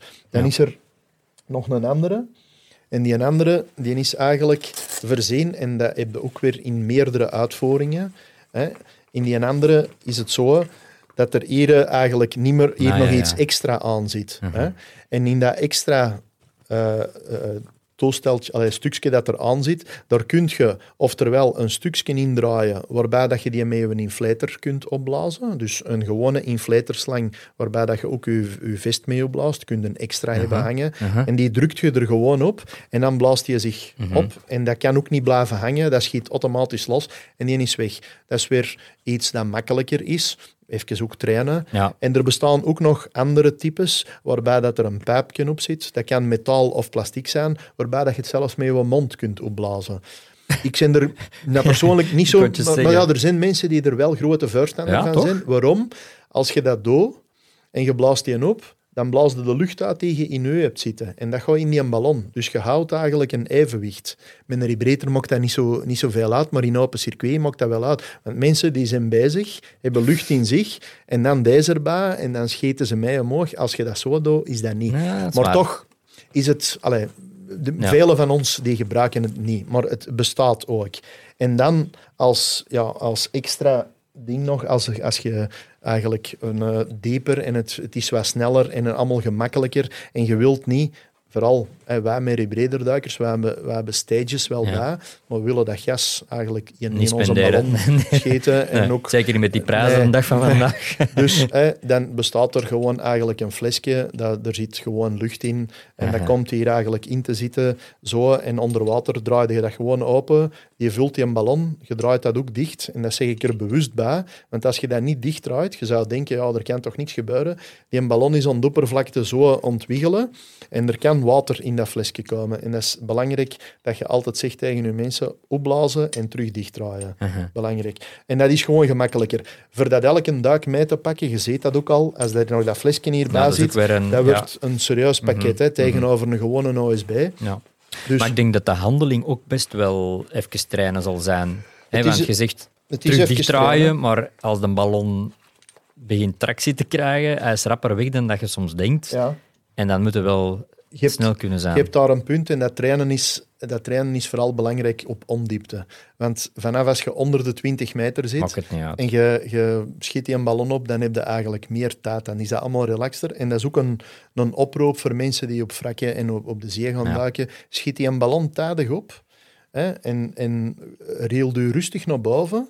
En dan ga je zien, dan heb je niet veel moeite om die te zien. Maar in je, je eh, oppervlaktebeveiliging, die heeft al lang gezien waar het er een ploeg gaat boven komen. Dus dat is eh, eigenlijk eh, belangrijk. Ja, ja. En je zegt het nu zelf, hè, met het railtje, hè, dat is de techniek die de dag van vandaag eh, meestal wordt Ja. genomen. Ik, ik heb hier ook een, een paar modelletjes eigenlijk bij. Die bestaan ook in, in tal van, van zaken. Hè. Deze is ook eigenlijk eh, een railtje waarbij dat er een ratchet of een ratelfunctie op zit. Wat, dat, wat dat velen van ons toch prefereren hè, voor een ballon op te scheten. Dus je kunt dat gewoon eigenlijk oprollen en dan dan ratelt die zich eigenlijk op. Kun je zo naar boven doen. Deze is een uitvoering nu volledig in plastic gedaan. Heel handig om mee te nemen op verlof. Ik heb ook een uitvoering bij die niet in plastic is. Het is te zeggen, de, de achterplaat Ja, ja. is wel in plastic, maar de rail niet. Dat weegt een pak zwaarder. Je ziet ook, dat is een, een veel groter eh, stuk om mee te nemen. Natuurlijk, het is wel, hè, de- vanaf Mhm. Ja, ja. dat die spoot groter, groter wordt, hè, en, vooral als ze nog, nog lang... Allee, eh, deze is een 50 meter, maar je hebt die in 100 meter en meer. dan wordt die wel, eh, spoot, als je van diep moet opwinchen, dan is het wel belangrijk dat je dat kunt doen. En ook dat dat handig is. Hè. Dikke handschoenen soms. Mhm. Hè, dus eh, is dat... En dan heb je nog als laatste het spoel, de, de gewone Het spoel. vingerspoeltje. Het vingerspoeltje, dat wordt ook dikwijls gebruikt als redundantie bij in het pak. Dikwijls voor een, voor een, ja, een extra ballon als je toch eens moest kwijtspelen, want dat gebeurt ook wel al eens, dat je kwijtspeelt, dat je nog een redundantie hebt. En voor de mensen die het wat compacter willen houden, eh, heb je dat ook. Die ballons, die, ik heb nu rode laten zien, maar ik heb ook nog één gele bij. En daar is het ook zo eh, dat, we, dat we daar ook dikwijls mee werken om bepaalde signalen aan de oppervlakte te geven. Hè, waarbij dat rood eigenlijk eh, ons kenbaar maken is, onze positie kenbaar maken is. En waarbij dat geel meestal hè, in, bij, bij vele eh, organisaties en vooral in het technisch duiken, geel, dat wil zeggen dat er problemen zijn. Ah, ja. Uiteraard moet je die ook op voorhand afspreken Ja, met de oppervlaktebeveiliging, want anders kunnen zij dat niet weten. Ehm, wat is jullie geprefereerde techniek om met het railtje en de OSB zelf eh, aan de slag te gaan? Bedoel ermee eh, het, het, het weghangen, eh, het, u- openrollen, het aanklikken. eh, ieder doet dat daar zo'n beetje op zijn eigen manier, of is daar ook ergens een. ehm, ah, ik, ik, ik vraag dat omdat ik dat ook al gezien heb, dat er vaak mensen zeggen: nee, je moet dat zo doen en dat is de juiste. En, en, en, allee, we weten ook allemaal met vingerspoeltje, het is rap dat dat, dat, dat touw eh, in de knoop geraakt. En allee, er heeft toch bepaalde handelingen nodig, denk Ja, ik. Hè? Het is eigenlijk vooral weer eh, in welke omstandigheden Ja. we dat gaan gebruiken. Eh zitten in warm water op reis, heb je Ja. ge- geen handschoenen aan, ofwel lichte, dunne handschoenen Mhm. aan. Eh, heb je gewichtsrestricties om mee op reis te nemen. Eh, dat is belangrijk eh, als we hier, eh, als het nog koud is, en je ziet op de Noordzee, gaan we nog wel waarschijnlijk drooghandschoenen aan hebben met dikke onderhandschoenen. En dan moet het vooral handig zijn en, en veilig om met te werken. En het moet nog altijd voldoende snel vooruit gaan. Je mag niet te snel verstrikt raken. En dan zit het beter met een grotere rail, omdat dat ge- gemakkelijker Gemakkelijk, werkt gewoon. ja, ja. En met dikke handschoenen, met een klein spoeltje zitten prutsen. Ja, eh, en ook dat oprollen als je van een, een flinke diepte moet komen, dat is gewoon onhandig. Dus gebruikt je, je instrumenten wanneer dat ze het makkelijkste zijn. Daarom ook best leren werken met al die verschillende zaken. Ja. Vooraleer dat je ook iets gaat, gaat aanschaffen. Mhm. Ehm, ik heb liefst eh, twee boeikjes eigenlijk, een, een rood en een, en een geel, en een spoeltje in de zak van mijn droogpak zitten. Ja. Omdat dat daar dan weg zit en dat hangt niet in de weg, eh, nergens niet. Maar ga je duiken op zee doen, ja, dan neem je extra een grote eh, boei mee, met een grote reel, met voldoende touw op. En die zullen dan wel ergens moeten gaan, gaan aanklikken, Ja, ja. dat ze ook niet in de weg hangt, dat je er niet mee in verstrikt kunt Nee. raken en zo verder. En de manier waarop is ook weer, ja, eh, er zijn mensen die hebben hun eigen methode en dan zeggen die, je moet dat zo doen, want dat is de enige goede manier. De goede manier is hoe dat jij ermee kunt werken en hoe dat, dat voor u op een vlotte, veilige manier, eh, dat je dat boeien naar boven kunt Ja. sturen. Ja. Dat is de beste manier. Eigenlijk ook weer wat dat vaak terugkomt, kies je materiaal in functie van omstandigheden en wat voor soort van duik dat je Ja. gaat doen. hè. Ja, en gelijk wat hem zegt, hè, zeer belangrijk. Hè. Koop niet gewoon materiaal en denk dat je dat ineens kunt gebruiken. Training is daar ook weer belangrijk. Oefen Ja, ja. dat met de verschillende materialen, want hè, de meeste van ons hebben een spoeltje in de zak met een OSB. Zitten dikwijls de gele die eraan hangt. Sommigen hebben twee rails met een rode en een gele. Het is allemaal verschillend, maar om een deur... Ja, Ja, ja, zit er wel een kerstboom onder water. En dat wilde Ja. ook vermijden, want dat is ook op wrakken en in grotten is dat ook niet... Grotten hadden niet, Nee, nee, niet een OSB hebben, maar hadden ook wel, Wel hè. dikwijls mee hebben. En als je een kerstboom bent, dat is nooit niet goed, want dat zijn zaken waar je niet kunt Ja, vast... en dat zorgt ook voor ja, situaties, als er een soort van noodsituatie is, als je dan moet beginnen zoeken en het hangt allemaal overeen, en, en, allee, het, hangt niet, hang- het hangt niet handig, ja, dan zorgt het ook weer voor onveilige situaties op een gegeven moment. Het, het hangen van, van materiaal is ook cruciaal. Want Ja, ik zie natuurlijk. veel mensen, en ik zeg niet dat dat fout is, ik zie veel mensen de reel van achter aan het frame van de rebreather eh, klikken. Dat is een goede positie, die hebben er een goede voet over. Maar soms klikken ze daar ook hun stages aan vast. Met, een, met die. Dan hangen er twee boltsnaps naast elkaar. Dus is het ook extreem belangrijk voor u dat je, in, zonder dat je dat ziet, dat je pakt naar achter, dat je weet welke boltsnap is wat. Want ik heb er al meerdere iets zien losknikken, Ja. waarbij dat ze een reel losknikken en denken dat het de stage is. Ja. En de reel die is weg Ja. en de stage hangt nog altijd vast. Dus het is belangrijk. Ik, een, een ding daarvan, en ik zeg niet dat dat moet, maar ik doe altijd een dubbele beveiliging om mijn reel. Mijn reel hangt nooit op één plaats vast, die hangt altijd dubbel vast. Maar dat is ook weer Ja. persoonlijk, dat is zeker niet... Nee, maar dat eh, zijn goede tips, hè, ja. uiteindelijk. Hè. Dat, dat zijn van die dingen die dat je vanuit de praktijk ook hebt ondervonden Ik waarschijnlijk. heb hem nog nooit niet kwaad gespeeld. Nee, maar je, denkt erover na, omdat je ook misschien wel dingen Ja, gezien hebt bij anderen, waardoor je denkt van, oké, dat wil ik niet meemaken. Hoe kan ik dat eigenlijk best oplossen om dat ja, zo veilig mogelijk en zo handig mogelijk, want dat is dan ook nog belangrijk. Hè? Wij verkopen heel graag grief natuurlijk, hè. dat is de job. maar het is een beetje zonde dat je eh, onbedacht met je grief omgaat en dat je je spullen zomaar weggooit. Je kunt die, bij, die centen beter spenderen aan anderen. Absoluut. Ook. Harry Breder Absoluut. bijvoorbeeld. Een rebreeder, voilà, voilà, voilà, voilà. Ja. Ik denk dat we zo wat door alles heen zijn op dit moment. Hè? We, we hadden nog, eh, we moesten vijf dingen meebrengen. Ja, ja, ja. ja. En ik heb er al vier eh, laten Mhm. zien. Ik heb nog een vijfde bij en dat is mijn gezond verstand. Voilà. Hè. Dat is eigenlijk ook een enorme belangrijke. Ehm, niks is eh, het waard onder water om grote risico's te gaan nemen. Nee. Hè. Dus eh, van zodra dat je denkt van het wordt hier te lastig, te link, te gevaarlijk, we nemen risico's die niet moeten, dan moeten we ook durven zeggen van dit gaan we niet doen, Mhm. of we gaan die een duik vroegtijdig afbreken, of we gaan op een andere plaats duiken, of we gaan gewoon eh, gezellig een pint drinken. Ja. En, en dat is iets dat moet, moet kunnen. Ehm, gezond verstand moeten we ook voor een stuk kweken. Hè? Eh, Dat is die ervaring die gaat meetellen op een gegeven moment. Hè? Ja. Absoluut. Ja, en ook niet, hè, want gezond verstand is ook je verstand gebruiken bij situaties die dat je niet gewoon bent, omdat je geen ervaring genoeg hebt, om dan juist te gaan beredeneren van oké, misschien moeten we dit met een ervaren gids of een, dan een instructeur gaan doen, of moeten we het even eerst een andere opleiding doen, vooraleer dat we zulke soort van duik gaan doen. Dus het zit in twee richtingen eigenlijk, inderdaad, We gezond willen, verstand. we willen allemaal graag onze doelstellingen behalen. Maar dat gezond verstand is heel belangrijk. Ja. En daar moeten we de juiste balans in vinden. Want iedereen wil, oh, dat wil ik graag doen. Mhm. En ik ben nu zo ver gekomen om op dat wrak te duiken of om in die grot te duiken. Maar soms zijn er omstandigheden waarbij dat je echt moet zeggen, deze is een no-go. We doen dat niet. Ja. En dan is dat heel spijtig, maar dat gaat u toch wel veel eh, problemen en misschien leed Ja. besparen. Absoluut, helemaal goed.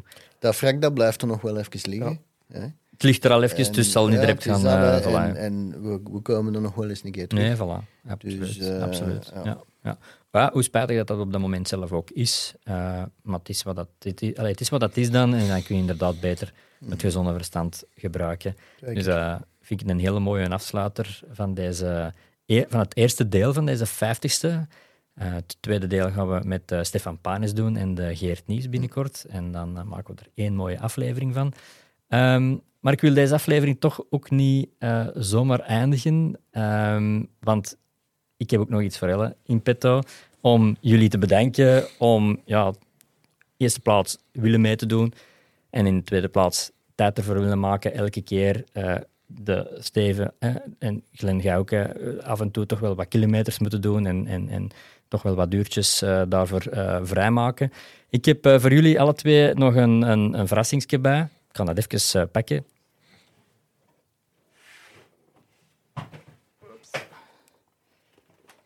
Dat is voor de Steven, Oeh, dank u wel. oei, dat is een zware. Dat is een zware. En ik heb zo nog hetzelfde voor de Glen. Voilà. Alsjeblieft. Dank u wel. Ik hoop dat je dat graag lust, uiteraard. En dat je daar ook van gaat genieten. Dat gaan we zeker Ehm, doen. Dat is eh, heel graag eh, gegeven van mij en van Ellen, want eh, die vergeten we ook wel eh, af en toe te vermelden in de podcast, maar dat is wel een drijvende kracht eh, en, en eh, een gigantische hulp voor mij om alles geregeld te krijgen, vaak. Ehm, dus voilà, van harte gegund aan jullie, vooral uit ja, enorme blijk van waardering dat je daar dan toch elke keer tijd en energie wilt insteken. Voilà, Met heel veel plezier. En ja, we gaan dat blijven doen. Hè. voilà gaan we doen. We kunnen dat zeker zeggen, dat dat met heel veel plezier gedaan is. Dat is leuk om te horen. Voilà, geniet ervan. Ehm, voilà. En dan wil ik jullie ook voor deze aflevering weer bedanken om tot hier te komen in onze nieuwe studio, want dat was ook voor jullie de eerste keer. Ehm, en voilà. Heel hartelijk dank en tot de volgende keer. Graag gedaan. Dank je wel. Alsjeblieft. De Polygon Seahorse Podcast. We zijn aan deel 2 van onze 50ste aflevering van onze podcast. En we hebben twee nieuwe gasten, twee gasten die er ook van in, het begin bij waren. Stefan Panis en Geert Nies. Welkom in onze studio. Ehm, de voorgangers, de Steven en de Glen, die hebben ondertussen hun deel al gedaan, in uiteraard deel 1 dan. Het was heel leuk om terug die mannen eens eh, in de studio te hebben of in onze podcast te hebben. Dus ook voor jullie eh, ook heel tof dat jullie de, terug de tijd hebben gemaakt om eh, tot hier te komen. Ehm, en ja, de podcast, de aflevering 50, eh, mee te willen maken. Hè. Ehm, Stefan, Geert, jullie waren er zoals ik zei van in het begin bij. De aflevering 1, nee, aflevering 1 niet, maar aflevering 2 hebben we eigenlijk met het hele team beginnen maken. Ik herinner het me nog als gisteren dat ik jullie allemaal één voor één belde om eh, ja, dat voorstel te doen, het idee dat ik had. Ehm, wat, dat, wat dachten jullie of wat ging er door jullie heen dat ik met zo'n idee afkwam, eh, Geert? Ik ken u al een hele tijd en eh, jij zit altijd bij de nieuwe dingen bezig. Voor mij, ik kende wel een podcast, maar eigenlijk ben ik daar nooit mee bezig geweest. Als je. Ja. begon uit te leggen van ja, we gaan dit doen en dat doen en zo zitten in elkaar. Ja, dat was natuurlijk wel een heel leuk idee. Hè? Ja, Eh, om de, de branche op die manier in beeld te brengen. Hè? En zeker Ja. met al die specialisten die mee aan tafel zitten, krijg je toch altijd een heel andere dynamiek dan eh, met ene persoon alleen of ja, ja. ja, ja. met één thema alleen. En Stefan, wij kennen elkaar ook al wel wat langer. Klopt. Wat dacht jij toen ik belde? Ja, een beetje hetzelfde als eh, de Geert zegt eigenlijk. Het is eh, iets, ehm, ja, een podcast is iets veel ehm, met, een, eh, met een foto of eh, een filmpje kunnen we wel iets laten zien of iets brengen. Maar ja, ik dacht direct ook wel van, ja, dat is wel iets dat gaat aanslagen. Ja. Dat, eh, ehm, ja, iets vernieuwend, Ja, zeg maar. ja. Hè? En inderdaad, met allemaal mensen die heel gepassioneerd zijn. Ik denk dat dat ook wel in de, in de, in de opnames te horen is, dat er echt Absoluut, mensen zijn absoluut. die er Ja. ja, volledig mee bezig zijn en voor gaan. Dus, Ja. ja. Eh, Ik, ik heb het tegen Steven en, en Glenn ook gezegd, eh, ehm, dat het mooiste compliment dat ik ooit gekregen heb van iemand, dat was van, ik ben instructeur en ik eh, raad vaak bepaalde afleveringen aan aan mijn studenten om ja, daar is rond dat thema een keer die podcast te beluisteren. Eh, en effectief, we hebben wel bijzonder wat afleveringen gedaan die daar heel interessant zijn voor mensen die net aan het duiken zijn, om daar ja, extra inzichten in te krijgen. Ehm, dus ja, dat was wel leuk eigenlijk. Hè. Ja. Ehm, en ik denk ook inderdaad, gelijk dat je zegt, Stefan, eh, het vernieuwende. Hè. Mhm. Ehm, hebben jullie dat ook on- rondom jullie ervaren van mensen die onze podcast beluisteren, hoe dat die ermee Ja. omgingen? Hoe, wat, wat waren de indrukken die dat er waren? Absoluut. Heel veel goede positieve reacties op gekregen. Maar ook van, eh, van mensen eigenlijk die niet uit een duikwereld zijn. Eh, heel onlangs nog eigenlijk kreeg ik een mail van iemand die ooit in eh Bertrie eh, was gaan wandelen en er eh, met zijn vader eh, een mijningang had gezien, maar is, is een heel zijn leven al afvroeg wat dat daar achter zou kunnen Mhm. zitten. En toevallig was die via Google op een aflevering van de Morepieren in Bertrie terechtgekomen. Ja, En eh, zo eh, zijn we in contact gekomen. Ja. En eh, die foto's van de desbetreffende mijn, hij had nog een foto waar hij met zijn vader voor de ingang staat. Mhm. En dan kon ik hem een foto geven, een 3D-topografie, want we hadden die mijn ondertussen getopografeerd. Ja. En eh onderwaterbeelden ervan, dus die Mhm. mens was dat. Ja. Dus dat zijn eh, ja, die extra's die het eh, ja, superleuk en interessant maken. Ja. ja. We zullen de aflevering over die mijn gaan we in de show notes zetten. Dus kunnen mensen altijd terug gaan beluisteren, die aflevering. Want het was echt best een heel interessante en, en, en een toffe aflevering ook. Want het was mijn hele team toen nog op afstand. Want ja, we hebben allemaal die corona ook meegemaakt. Het was ook een stukje door corona dat we ermee begonnen zijn met de podcast. Ehm, in het begin kwamen we dan eh, fysiek samen, maar dan plotseling was het allemaal online te doen. was ook Ja. voor mij eh, zoeken en nieuw eh, hoe dat we dat gingen doen. Maar eigenlijk was dat best wel aangenaam om te doen. Eh, heeft zijn voordeel, we kunnen allemaal gewoon van thuis uit. eh, het is heel tijdbesparend, om het zo te zeggen. Maar fysiek bij elkaar komen, denk ik dat eigenlijk dat toch nog wel wel- veel toffer is eigenlijk. hè. absoluut. Zeker nu met onze nieuwe studio, wat vinden we ervan? Prachtig. Super, super. Ja, we, hebben, wel, de zijn, hand. ja, we zijn heel blij dat we dat uiteindelijk ook eh, kunnen verwezenlijken hebben. Ehm, dus ja, Geert, hoe zie jij hè, onze podcast? We, hebben er, we steken er allemaal best wel veel tijd in. Hè. Jullie, als jullie naar hier komen, jullie maken voorbereiding. Eh, we, we, we- bellen en we sms'en en whatsappen eh, behoorlijk wat af in, in, in voorbereiding van afleveringen. Ehm, uiteindelijk ja, doen jullie dit ook maar omdat jullie ook erin geloven, om op deze manier de duikbusiness eh, te, te ondersteunen. Ehm, om ja, niet te zwaar te gaan in het, eh, in het debat van eh, de duikbusiness in het algemeen in België en Nederland. Maar denken, we, denken jullie dat we met onze podcast echt verschil zouden kunnen gemaakt, of maken, of kunnen nog maken, of meer maken? Ik denk dat we vooral de juiste vragen stellen. Hè. In die zin er zijn ook mensen die bij mij op de zaak komen, die hebben wel wat gehoord in de podcast en eh, hebben daar iets van opgestoken, maar zijn er nog niet helemaal in mee, want dat gaat gewoon niet in, in de podcast heel in detail Nee, alles gaan uitleggen. Ja. Maar dan heb je de kans om het daar meer eh, in detail over te hebben en de Ja. tijd ervoor te nemen om het helemaal uit te leggen. En dan zijn de mensen ook helemaal dadelijk mee. Ja. Want anders blijft het altijd heel vaag. En zeker een onderwaterfotografie, voor veel mensen is dat een beetje hocus pocus. Terwijl de basistechnieken niet zo ingewikkeld zijn, maar je moet ze wel gaan inoefenen. Ja. Eh, en, en op die manier kunnen we wel de basis uitleggen. En achteraf, eh, als we ze persoonlijk zien, de mensen, dan kunnen we dat meer in detail. Als ze mij mailen of zo, dan kan ik Ja. er meer de tijd in steken om dat wat uit te leggen. Of wat foto's erbij te steken of eh, andere zaken eraan Ja. te voegen. Hè. Ja, uiteindelijk is dat denk ik ook wel het stukje waar dat wij het verschil wat mee kunnen maken. Dat we met onze podcast mensen kunnen informeren, inspireren. Ja, maar, inspireren. en dan vooral Ja. als het ja, echt, echt meer informatie nodig hebben, dan weten ze door onze podcast bij wie dat ze moeten zijn Ja, eigenlijk. ja. Dat is het, hè. Ja, Worden gestuurd hè, ja voilà. in een bepaalde richting. Ja. Ze hebben een interesse, maar ze, ze vinden er weinig over. Of, ja, ze, je kunt wel googlen, maar dikwijls worden niet, eh, niet iets concreter. En als je dan ja, kunt zeggen, er is een podcast over, inderdaad, gelijk als de Geert zei, je gaat misschien niet alle details vinden, maar je gaat misschien een pak meer informatie eh, horen Ja. die je anders eh, moet liggen opzoeken. En Ja. eh, dat je door, op den duur door eh, het bos door de bomen niet meer Mhm. ziet. Dat je dan een idee hebt van, oh ja, oké, of ik kan in die richting of die richting. Of, Ja. ja. Ja, Ja. inderdaad. Ehm, uiteindelijk, hè, onze podcast, daar zijn we echt een beetje op de wilde boef mee begonnen, om het zo te zeggen.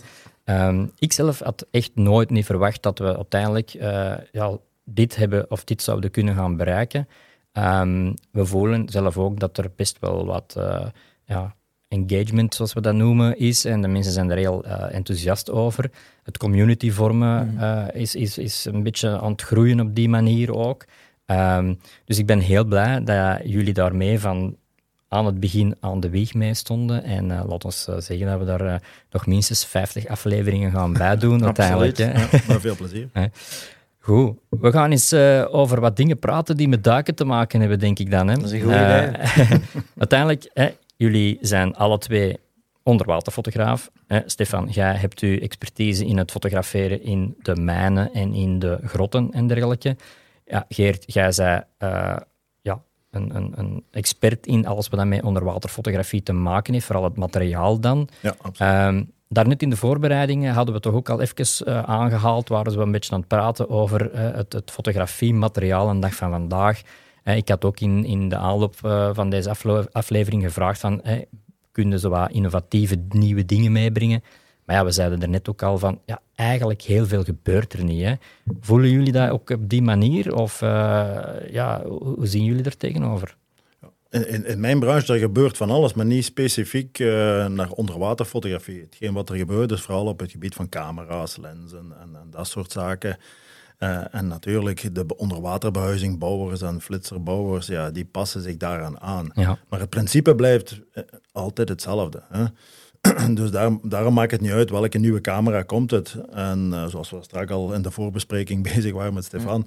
Dus ehm, in, in, in, eh, je hebt niet zoveel nodig onder water. Hè? En, en de nieuwste camera's die uitkomen, dan veel klanten zeggen, ja, maar dan komt een nieuw model uit. Ik wacht eerst op het nieuwe model. Maar als je dan vraagt van, wat heeft dat nu model nu meer dan het vorige model? Ja, dan moeten ze al eh, nadenken en dan haal je de catalogus erbij of, of de, de skills en, en eh, de features van, van, van de camera. En dan blijkt het allemaal om zaken te gaan die je eigenlijk onder water niet kunt gebruiken. Ja. Of dat geen enkele zin heeft. Ja, dan kan je beter zeggen, dan ga ik nu de bestaande camera kopen, want die is afgeprijsd. Ja. En eh, kan ik daar beter mee verder gaan. Hè? Wat zijn zo de elementen die dan wel belangrijk zijn voor, bij, het keu- bij de keuze van een onderwatercamera, die dat misschien ook wel doorheen de tijd ja, verbeteren? Ja, ik denk dat de, de features die belangrijk zijn, die zitten nu allemaal aan de maximum. Hè. Je resolutie, eh, je kleurdiepte en, en dat soort zaken. Dus naar kwaliteit van het beeld eh, zitten we al aan maximum. Natuurlijk de, de, de snelheid van opnames, de lichtgevoeligheid, maar die zit tegenwoordig ook al gigantisch hoog. Hè. Dat, als we dat tien jaar geleden gezegd hadden, dat onmogelijk, dat kan niet. En als je nu, kan je bijna een donkere foto maken. Ja, ja, ja, ja klopt. Dus, Ja, eh, Zonder en- ruis en Ja. dergelijke. Nu natuurlijk gebeurt er veel op het gebied van lenzen. Hè. En dan er worden altijd maar beter en betere lenzen gemaakt, maar daar wil ik wel een kanttekening in maken, want veel, veel eh, gebruikers denken van ik moet de duurste lens kopen, want eh, die is het beste. En dat wordt ook zo wel in de fotozaak eh, gezegd. Die zijn zogezegd het scherpste, hè, want Ja. hè, de, de Ja, optiek is de het sterkste. beste. En, en kun je met donkere omstandigheden toch nog altijd eh, goede foto's maken. Dat noemen ze dan lichtsterke lenzen. Dat wil eigenlijk zeggen dat er een grote frontlens in zit. Die pakt heel veel licht, waardoor je eigenlijk met, met weinig lichtopbrengst toch nog altijd foto's kunt maken. Maar het probleem is eigenlijk, onder water ga je dat achter een doomglas steken. En daarom gebeurt er rare dingen. Hè. Dan in één keer wordt je scherpdieptegebied niet meer vlak, maar bol, door dat bolle glas. En dan heb je eigenlijk nadeel van die lichtsterke lenzen. Hè, omdat die zijn eigenlijk gemaakt om juist heel veel licht in de rand extra te nemen. En wat moeten wij doen? Wij moeten ons diafragma helemaal dichtknijpen. En eigenlijk gebruiken we alleen maar dat middenste stuk van die lens. En hebben eigenlijk een heel duur lens gekocht. Want wij betalen extra voor wat er aan de buitenkant op zit. Maar eigenlijk hebben we dat middenste nodig. En, en doordat ze die zo ingewikkeld moeten bouwen, want door de, een, een frontlens die groot is, heb je extra lenzen daartussen nodig om de fouten te corrigeren. Die aberratie in de hoeken, die moet eruit. Dus daarvoor wordt die lens veel ingewikkelder en veel duurder. En eigenlijk gooien we heel veel geld over de plank waar we niks aan hebben. En uiteindelijk is het nog slechter. Hè? Want door die correctielenzen gaat de scherpdiepte achteruit en gaan we nog meer hoekvertekening krijgen met dat soort lenzen dan met een heel goedkope lens. Ja. En ik probeer dat vaak aan mensen uit te leggen en dan zie ik ze met hun ogen draaien en zeg, wat zegt die allemaal? Hè? Maar eigenlijk is dat de basis. Hè? En, en, en daarom als ze bij, bij mij op de zaak zijn, kan ik daar een mooie tekening van maken en dan snappen ze dat. Hè? Ja. Maar dat wil ik zeker meegeven. Hè? Dat voor onderwaterfotografie is het niet absoluut eh, noodzakelijk om de duurste bovenwaterlens, zal ik het dan zo noemen, maar de lens van de camera te kopen. En eigenlijk zou ik eerder gaan voor minder lichtsterke lenzen, want die gaan eigenlijk onder water beter kwaliteit geven dan eh, de lichtsterke lens. Ja.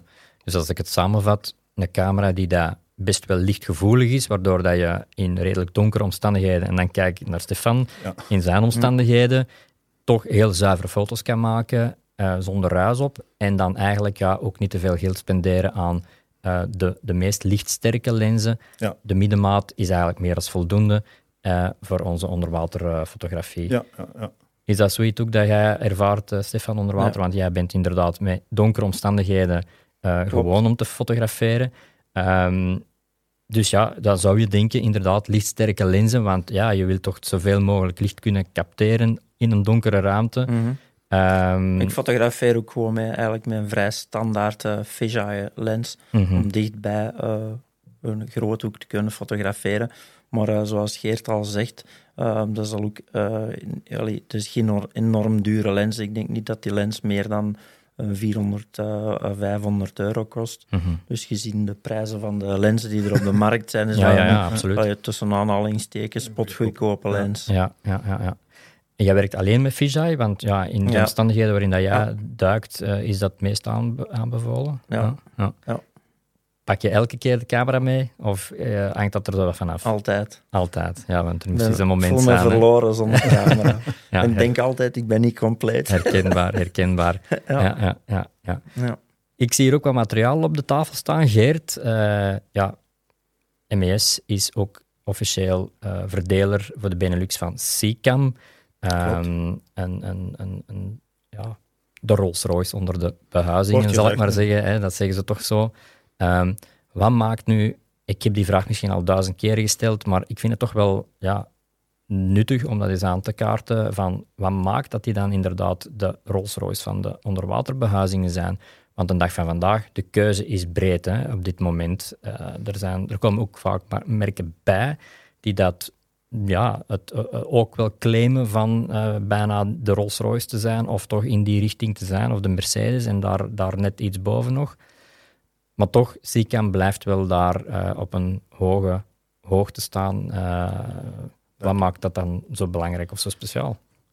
Uh, misschien even een kanttekening maken, want je zegt, er komen er altijd maar bij. Maar eh, ik denk met de coronatijd die er geweest is, zijn er ondertussen al een paar merken gesneuveld. Ook En- nog, ja. Ja, dus want eh, ik weet niet of je op de laatste boot geweest bent in, Ja. in Düsseldorf. Ja, daar stond maar één merk nog. ja. En dat was Seacam op een kleistandje. Ja. Hè?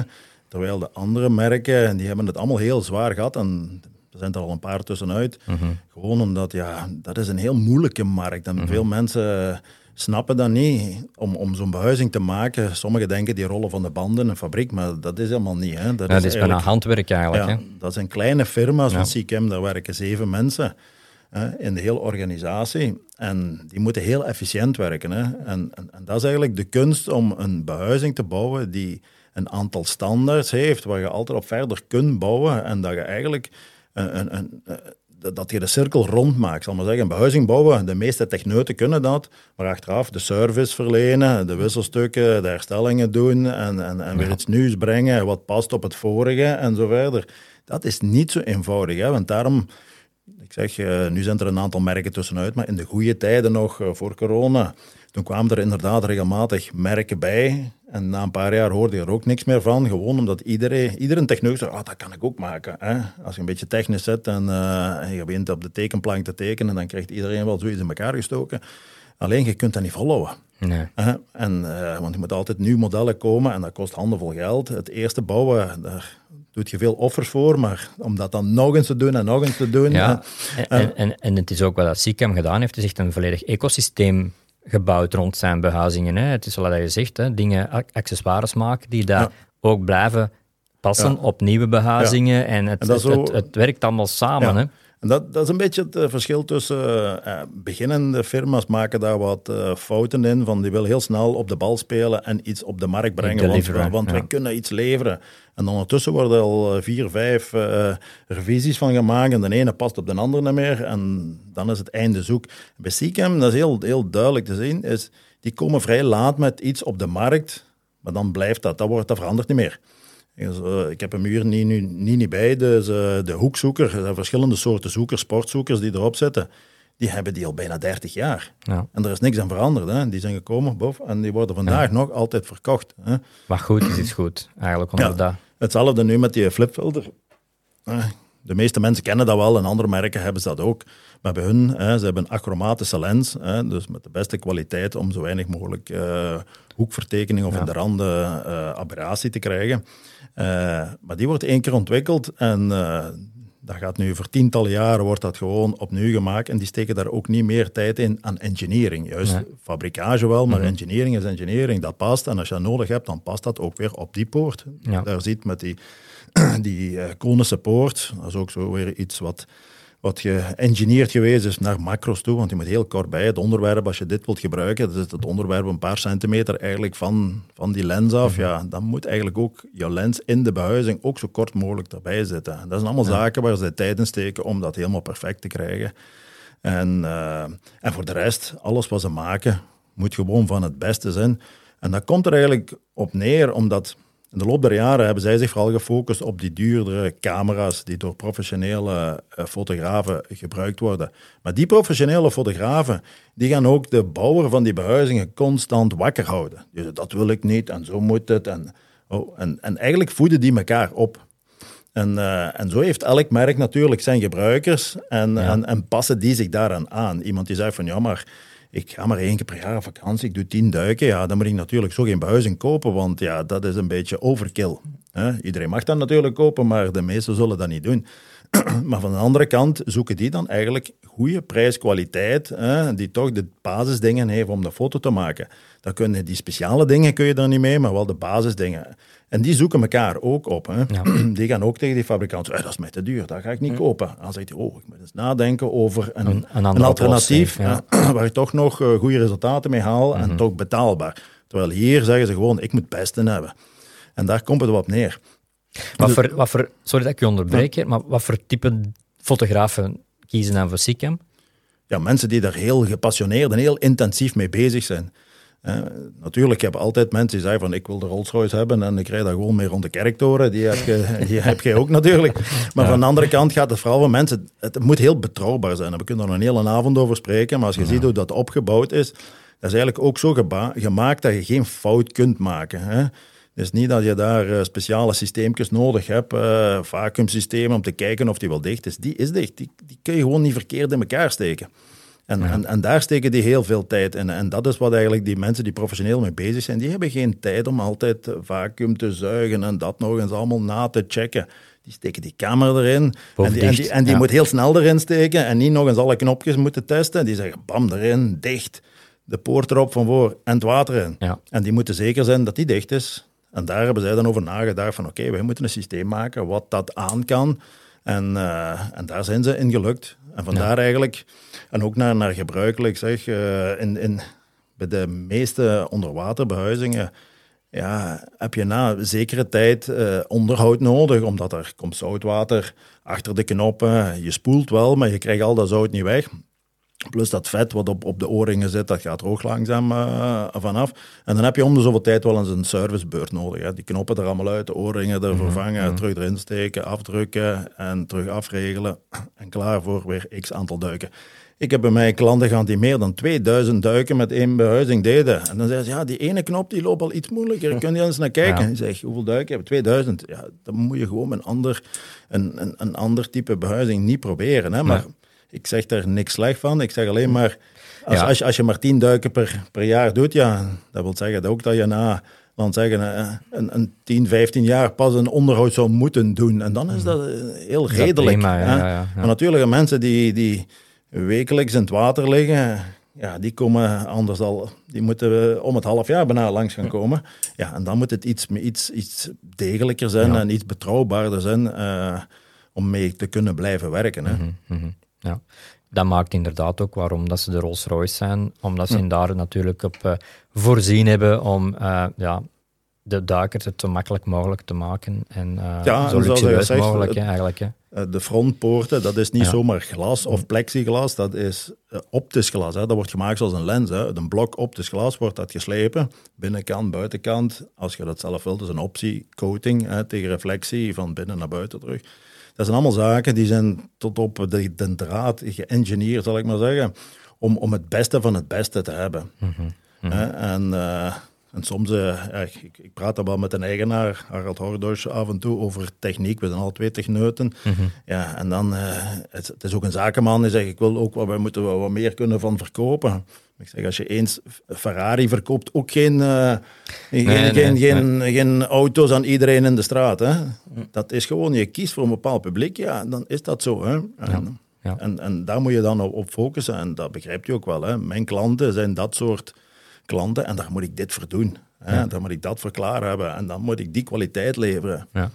Ik, ik hoor hè, dat eh, de eigenaar eigenlijk toch ook wel best mee in zijn achterhoofd speelt van ja, ik moet eigenlijk misschien wat meer verkopen. Maar ja, inderdaad, wat dat jij zegt, ja, uw publiek zoekt naar dit of wil dit, ehm, dan is het dat dat je u moet aanhouden. Maar ik hoor toch precies ergens tussen de lijnen in dat hem toch ook wel zoekt naar een andere soort markt misschien. Is het een optie Eh, om bijvoorbeeld van dit een soort van light versie te maken? Dat die heeft hij vroeger gedaan, hè, met Ja. die prelude.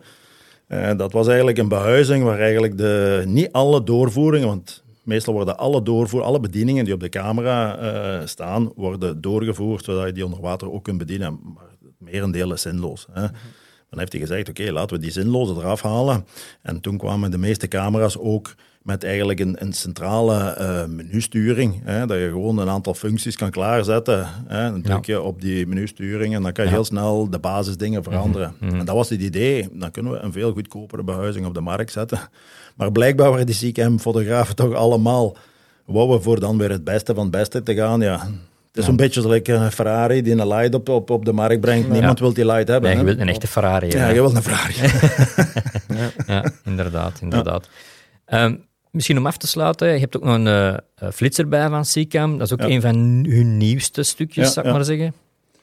Ja, eigenlijk dat is een hele compacte. Hè. Als je ziet van ja, die kan je makkelijk in de rugzak steken. Dat is altijd tegenwoordig het probleem reizen. Hè. Vroeger was dat allemaal geen probleem. Kan je ganse Pelican case vol steken, eh, 100 kilo gewicht meepakken. Maar tegenwoordig elke gram wordt gewogen. Uh-huh. En eh, in die zin eh, wordt alles kleiner. Per geluk is, eh, is de techniek ook zo dat het ook allemaal kleiner moet. Hè. Doordat onze camera's veel lichtgevoeliger zijn, hebben we ook niet meer van die grote flitsers nodig. Af en toe, eh, de Stefan van die grote flitsers nodig om in die grote op de achtergrond Ja. wat te flitsen. En, en nog meer, en meer ASEAN ook, denk ik dan. Hè? Ja. En, eh, maar de meesten hebben genoeg aan wat kleiner eh, flitsers en wat, wat lichtere flitsen. Vandaar eigenlijk dat het altijd meer in die richting gaat. En nu hebben ze eigenlijk een, een mooie flitser op de markt, heel compact. En eh, toch vrij sterk, hè, want die heeft nu een, richtgetal van 8. Hè. Iemand die, zo- als je dat vergelijkt met, met andere van die plastic flitsen, die hebben soms een hoger richtgetal, maar nu ben ik weer met techniek bezig. Een richtgetal wil eigenlijk gewoon zeggen, wat is het diafragma wat ik nodig heb om een onderwerp op 1 meter, afstand correct te belichten. Dat wil zeggen, als ik mijn camera op diafragma 8 zet, op ASA 100, hè, dan, eh, en ik flits aan vol vermogen, dan is die goed belicht. Maar natuurlijk, wij fotograferen niet meer op ASA 100. Hè. 400, 800, dan hebben we nog altijd eh, een hoop kleur, eh, nog altijd scherpe beelden. Ja, geen ruis. Geen ruis. Ja. Ja, dan, dan is dat al, eh, al acht keer zo, zo zwaar ten opzichte Mhm. van, van wat het nu is, hè, van die 100 ASA. Hè. Dus in die zin moet, je het ook, eh, moet je het ook bekijken. Maar van de andere kant is het ook zo, daar wordt wat mee, mee gespeeld. En daar moet je op letten. Als je een flitser koopt, hè, dat, dat richtgetal 8, dat zegt inderdaad iets over dat diafragma op 1 meter. Maar niet of dat op een klein hoopje is of op een hele grote hoek. Ja. En daar zit dikwijls het verschil. Deze flitser, like hier zit je, die heeft een heel grote flitsbuis. En dat wil zeggen, hier heb ik eh richtgetal 8 met een hoek van 110 graden, want dat glas is bol. Hè? Achter een vlak glas ga ik niet meer dan 90 graden, hè? want dan reflecteert het terug. Dus hier heb je een bolglas, je kunt effectief onder water 110 graden halen. En dan heb ik diafragma 8. Dus dat wil zeggen, als ik een heel eh, stuk koraal zo he- en ik maak een breedhoekfoto van 110 graden, en dan is heel mijn koraal goed belicht. ja. Als je een ander flitser mee vergelijkt, dan heeft hij maar een klein hoopje. Maar dan zeggen ze natuurlijk, ja, maar dan moet je een, een, een diffuser voorzetten, dan wordt het breder. Maar dan heb ik geen, geen richtgetal 8 meer, hè. En dan wordt dat veel, veel minder. Hè. En dat wordt dan altijd, je moet maar eens kijken, in veel catalogen wordt ermee eh gesjoemeld, zou je maar zeggen. En dan geven ze het richtgetal zonder diffuser en dan de lichthoek geven Ja. ze eh, met diffuser. En dan zeggen ze, ja, doet ze dan alle twee? En dan zeg het richtgetal met en zonder en geeft de hoek met en zonder. Nee, je krijgt altijd het beste te zien. Ja, en daar moet je een beetje voor, voor opletten. Hè. Dus vandaar, dat zijn van de zaken die, die CCAM zegt van, ja, we, we beginnen dan niet mee met diffusers en, en, en oplapmiddelen. We gaan gewoon een flitser maken die 110 graden. Dat lijkt ons een, goede hoek te zijn om met breedhoek eh, lenzen te gaan werken. En eh, op die Dat- manier bouwen ze dat. Ja.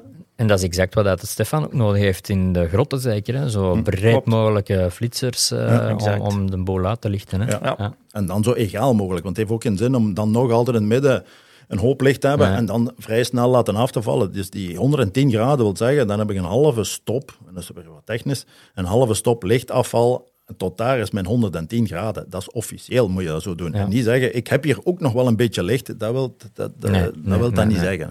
hè. En wat is er nog bijzonder aan die flitser? Ja, eh, de vorige flitsers die ze hebben, of die ze nog altijd hebben, de 160, die heeft, inge, eh, die heeft ook een, een, een batterijpak waar je kunt wisselen, omdat ja, zo'n eh, zo'n flitser heeft op korte tijd heel veel energie nodig om die condensator te laden, om weer eh, dat flitslicht te Ja. geven. Deze heeft eh, ook gewoon penlights, kun je oplaadbare Ja. Ja. penlights insteken. Dus Dat is ook soms wel handig als je op vakantie bent en zegt van uh, mijn batterijpak is aan zijn eind of er is iets mee misgelopen. Ja, haal gewoon een ander penlight en uh, die kan je overal kopen. Hè. Ja. Dat, Ja. En is het ook hier, uh, als die vol loopt, de, het batterijcompartiment, is het nog geen ram dat eigenlijk je flitser gaat niet om zeep zijn? Hè? Nee, dus hetgeen wat je dan aan de hand hebt, want de batterijcompartiment is ook afgesloten. Volledig afgesloten. Ja, dan zal er waarschijnlijk wel wat water aan die contacten komen. Oxideren Ja, een die oxideren en die worden dan vervangen en dan is die weer nieuw. Ja. Ja, absoluut. Nee. Ja. Mooi. En voor de rest, uh, wel heel belangrijk, is eigenlijk dat die flitser heeft een ingebouwde microprocessor die eigenlijk 100% communiceert met de camera's. Deze nu apart, ofwel Canon ofwel Nikon. De 160 detecteert zelf, heb ik een Canon aanhangen. Welke taal spreekt die? Ah, het is een Canon, het is een Nikon. Je plugt die gewoon erin en die gaat zelf synchroniseren. Daarmee bedoel ik synchroniseren, TTL-flitsen. Ja. Mhm. Dus daarvoor is een communicatie nodig tussen de flitser en, uh, en de camera. Dus dit zit ingebouwd eigenlijk in, in die flitser. Ja. Je hebt geen adapter nodig of wat Nee. dan ook. Nee. En uh, moet je gewoon aansluiten en die begint met de camera te communiceren. Mhm. Ook met twee flitsers. Uh, Nikon en Canon is daar wat anders in, maar dat gaat weer technisch te ver. Maar Uh, het, TTL-flitsen, wordt dat eigenlijk nog wel veel gedaan? Ik hoor heel veel dat er gewoon handmatig geflitst wordt en dat dat ja, ook wel best iets is dat, dat de meesten ook leuker vinden om met te, met te werken op die manier. ja, ik denk dat iedereen wel, als hij een foto maakt, zijn foto goed wilt hebben. Ja, Hè? En uh, dan is soms automatisch flitsen wel makkelijk. Hè? Uh, natuurlijk, het zijn twee dingen die spelen. Aan de ene kant is het makkelijker met Photoshop achteraf de, je histogram wat goed te zetten en zo. Dat ging vroeger niet met een, een, een dia. Die is goed of die is slecht. Hè? Je kunt er niks meer aan veranderen. Tegenwoordig kun je er nog een beetje mee schuiven. Dat maakt het wat vergeeflijker, zal ik maar zeggen, als je ernaast zit. En van de andere kant, natuurlijk, uh, um, wat wil ik nu juist zeggen? Ik was aan het volgen, aan, aan, aan, het denken. Um, is uh, ah ja, in, in, welke situatie dat men uh, fotografeert. Bijvoorbeeld bij macro's, hè, dan maakt het wel een verschil, want uiteindelijk als je macro's gaat fotograferen, laat dat mijn visjes zijn hier, ja, dan gaat die flitser vrij dichtbij staan. Mm -hmm. hè. En dat dit of dit, dat is al een stopverschil. Hè. Maar onder water, om dan beginnen mijn flitser te veranderen als ik dichterbij kan. En, en die diertjes, als je die zo dicht benadert, die nee, zeggen, wacht even, ik moet mijn flitser wat gaan bijstellen, of mijn camera wat gaan bijstellen dan moet dat eigenlijk pat, pat, pat, pat, pat. En hoe dichter ik bij kom, des te meer geluk heb ik, want hij is nog niet Ja, weggezwommen. ja, ja. En moet ik kunnen blijven foto's maken. En dan natuurlijk is een TTL wel handig. Hè? Dan blijft hij continu bijsturen. ja, ja En, dat is eh, waar. ja. En natuurlijk voor breedhoekopnames, ja, Mhm. dat is dat minder belangrijk. Of de wat dichtere, dat zal niet zoveel. En dat kunnen we in Photoshop perfect Ja. bij, Ja. bijsturen. Hè? Ja. Wat werk jij, eh, Stefan? Ook Manueel. En manueel ook. Ja. ja. Ja, en de grotfotografie Ja, voilà. is dat het gemakkelijkste. Hè? Daar Ja. is, alles is zwart, dus het is een kwestie van afstand inschatten en, en de flitsers instellen. Ja. Dan kom ik tot bij u, Stefan. Hè, het praktisch omzetten van het fotograferen in een grot. Hè. Ik heb er net ook al gezegd, ik ga ervan uit dat het ook niet met één flitser is, ook niet met twee, maar nog met, met x aantal eh, extra flitsen erbij. Ehm, hoe gaat het daar eh, mee, a- allee, mee aan de slag onder, on- in zo'n grot? Want ja, het is donker. ehm, ja, begint er maar aan, denk Ja. ik dan. Hè? Ja, de techniek die ik eh, gebruik is, ik heb twee flitsers op mijn camera en eh, op de duiker, eh, op elke duiker, eh, één of twee duikers, monteer ik op een uh, rebreather of fles of op een stagefles een extra flitser die naar achter eh, flitst en met een optische sensor die getriggerd wordt door mijn flitslicht Mhm. en die je mee doet afgaan. ja, ja. Om zo eigenlijk het uh, diepte-effect Ja. uh, te kunnen uh, laten zien. Hè. Want anders, um, als je dat niet doet in een mijn of in een grot, of zelfs in een wrak, dan, dan is dat gewoon een, uh, ja, een zwarte massa achter die duiker. En dan kun je niet eigenlijk de, hetgeen uh, de, wat net mooi is, die een dieptegang, uh, dieptezicht in die grot of in een gang uitlichten. Ja. Um, daar kun je dan mee beginnen spelen. Ja. Flitsers op een statiefje gaan plaatsen met die sensor als je een, een, een kamer wilt uitlichten of een bepaalde nis wilt verlichten. ja, de, de mogelijkheden zijn eindeloos. Ja. Het is daar donker in zo'n grot. Mhm.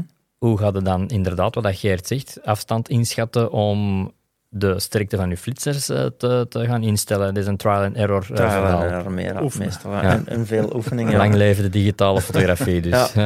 Maar eigenlijk, als het de Geert zegt, als je er een eh, tijd mee bezig bent, eh, ik heb een standaard instelling en echt enorm veel moet ik daar niet om veranderen. ja. Je ziet, eh, ja, afhankelijk van de, de grot of mijn, er zijn er met lichtere steen, met donkere steen. Je had een wit al van, oké, ik moet eh, dan deze een beetje eh, ja. veranderen al. En dan eh, kan het zijn dat je nog een klein beetje moet aanpassingen Ja. doet in de settings. Maar dat is niet dat je ja, alles overhoop moet gaan Nee, gooien. nee. Dat is, Nee.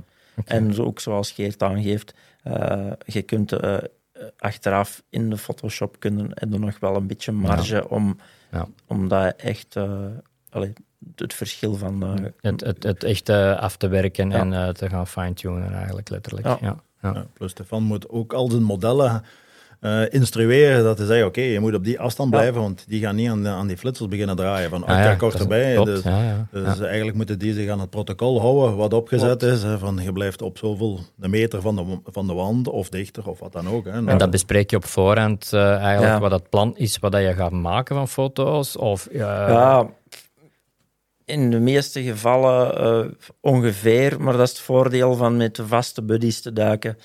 De, de meeste eh, van mijn buddies die, eh, die eigenlijk al jaren meeduiken, ja, die hoeven maar een blik of een, eh, of een, of een teken en die weten of die, Ja. die zien het onderwerp en zij weten al van oké, ik positioneer mij zo.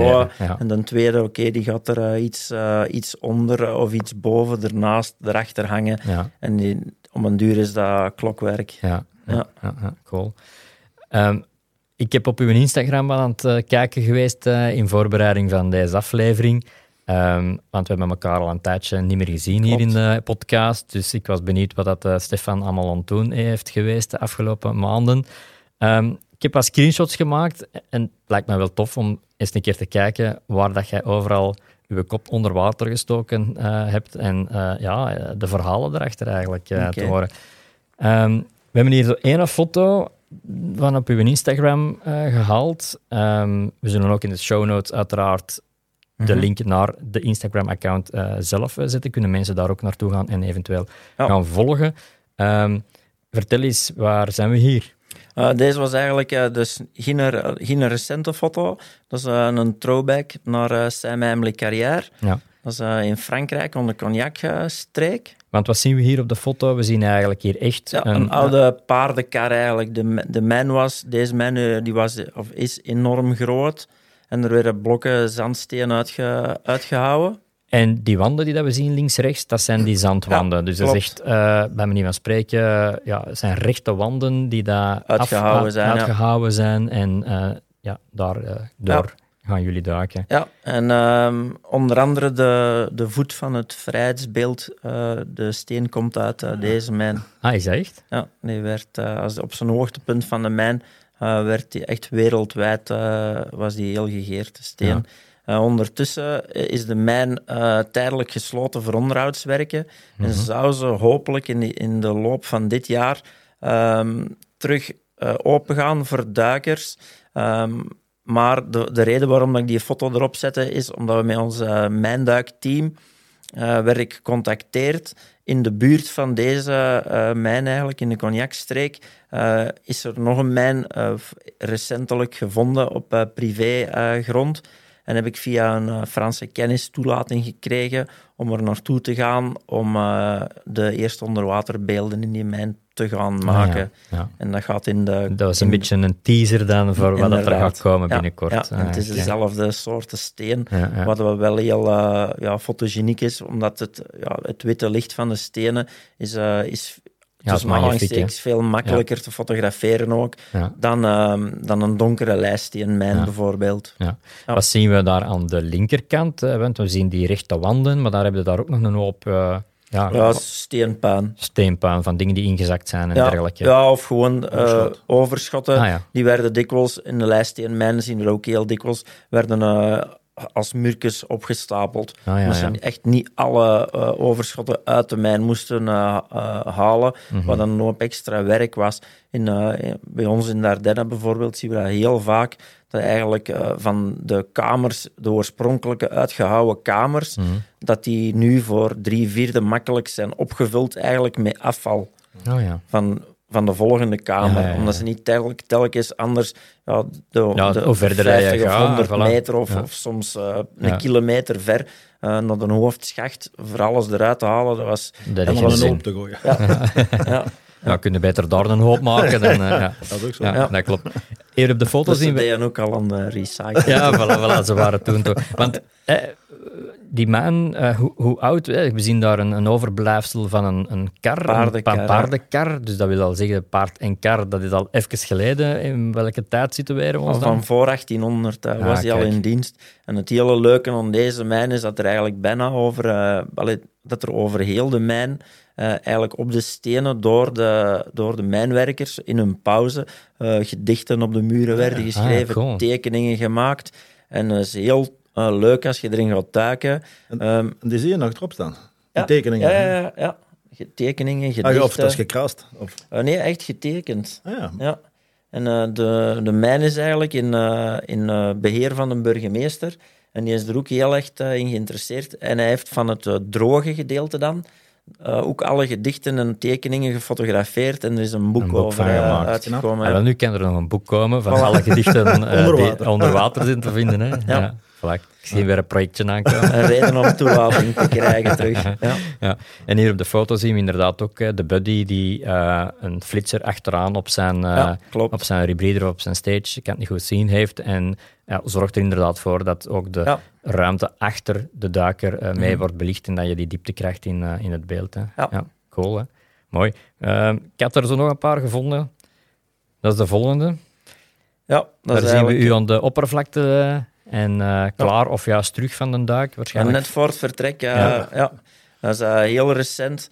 Ehm, eh, hebben we een nieuw gebied eh, toegekregen om onder DNF eh, bosbeheer, domein natuur en forêt, Mhm. ehm, om een aantal mijnen eh, te, te onderzoeken eigenlijk, eh, en te fotograferen, in kaart te brengen en te- een volledige topografie van te maken, van Ja. een hele zone, zeg maar. Ja.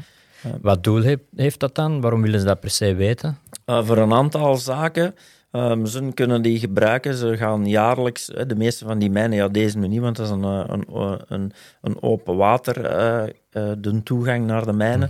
Maar eh, een, eh, de meeste van die mijnen zijn met hekken gesloten voor eh, vleermuizen. Dus zijn constant dicht. Eén keer per jaar in de winterperiode, als de vleermuizen erin zijn voor het overwinteren, eh, gaan de agenten eh, erin om een telling te doen. Te kijken welke soorten, hoeveel en hoe de evolutie is van de, van Van de vleermuizenpopulatie. Ja. Ja. Eh, voor hun is dat heel interessant om, te, om, een, eh, om een topografie, een grondplan te hebben van de Ja. mijn. Ja, Ja. Om dat dan te kunnen in kaart brengen waar dat die zitten en, en Dat, dergelijke. dat, dat ten eerste. Ten tweede, ehm, in, eh, het is hier eh, nogal gebeurd. eh, tijdens de corona is het om- ook gebeurd dat er een, een Urbex-fotograaf is vast te komen zitten in een van die mijnen. ja. Ehm, sommige van de mijnen, ehm, ik heb mijnen met zeven niveaus, waarvan dat er vier of vijf droog zijn, die kilometers gangen hebben. Ja, waar moeten beginnen Ja, zoeken ja, of hoe gaan we zoeken? Ehm, in zo'n geval kan het handig zijn als je maar het kaartje eh, uit, de- uit het archief te nemen hebt van de computer en een, eh, een, een deftig grondplan te Ja, hebben. ja. En om dan uit te, te kijken van hoe gaan we die actie hier eh, gaan coördineren. eigenlijk. Ja. En ten derde, eh sites zeg maar, die nog niet afgesloten zijn. En wij doen ook exploratie, echt in het bos, ehm, op zoek naar. Wij doen ook historisch onder- onderzoek. En wij vinden soms eh, sites die potentieel gevaar kunnen eh, zijn voor eh, wandelaars, eh, spelende kinderen. Zeg maar, onlangs vonden we een site ehm, vrij toegankelijk. Een heel steile wand naar beneden met heel veel schist, eh ardoisière, eigenlijk heel fijn. Dus heel, schu- heel schuivend, dus Ja, het was ja. een heel pak.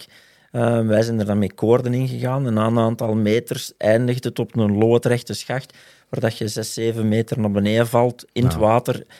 Ja, Verloren zaak. verloren. Ja. Ja. We hebben er ook een, eh, een, eh, het overblijfsel van een hert gevonden. Nou ja. Dus ja, ook voor de, ook Ja. voor de dieren. Hè. Ja, ja, absoluut. Dus eh, Ja. in zo'n sites die dan bijvoorbeeld niet vleermuisgevoelig zijn, die worden dan met, met een betonijzer of zoiets afgesloten, Ja. dat dat beveiligd is. dat dat veilig wordt voor Ja. mensen en dier. Ja. Ja, ze hebben vaak ook niet de tijd en, om zo'n sites te gaan zoeken. Nee, nee, of ook niet de ervaring. hè. Net, vooral dat, denk ik, de kennis en de ervaring om zich in dan zo'n soort, Ja. soort van situaties en, en te Dat gaan klopt. begeven. Hè. En zo is Ja. de, een van ons team, de Dirk, heeft uh, een ancien in het uh, vak, jaren uh, wereldwijd ervaring.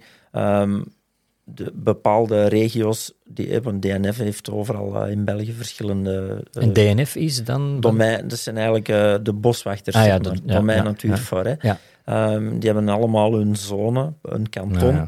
Uh, bepaalde kantons vragen ons ook om jaarlijks uh, controles te doen, opnieuw van elke site, -hmm. naar, um, naar stabiliteit ook. Want ze zeggen ook, ja, wij hebben daar totaal geen kennis van. Uh, willen het er veel meer ervaring in om te kunnen oordelen van oké, okay, is die site veranderd ten opzichte van vorig jaar. Aan, de, hand van de foto en video, ook zowel op droge delen als uh, ja. ondergelopen delen, kunnen wij vergelijkende studie maken van jaar na jaar. Ja. Van oké, okay, is, die, is dat een site die stabiel blijft of is dat een site die verandert? Mm -hmm. En dat mm -hmm. maakt het voor hen ook interessant.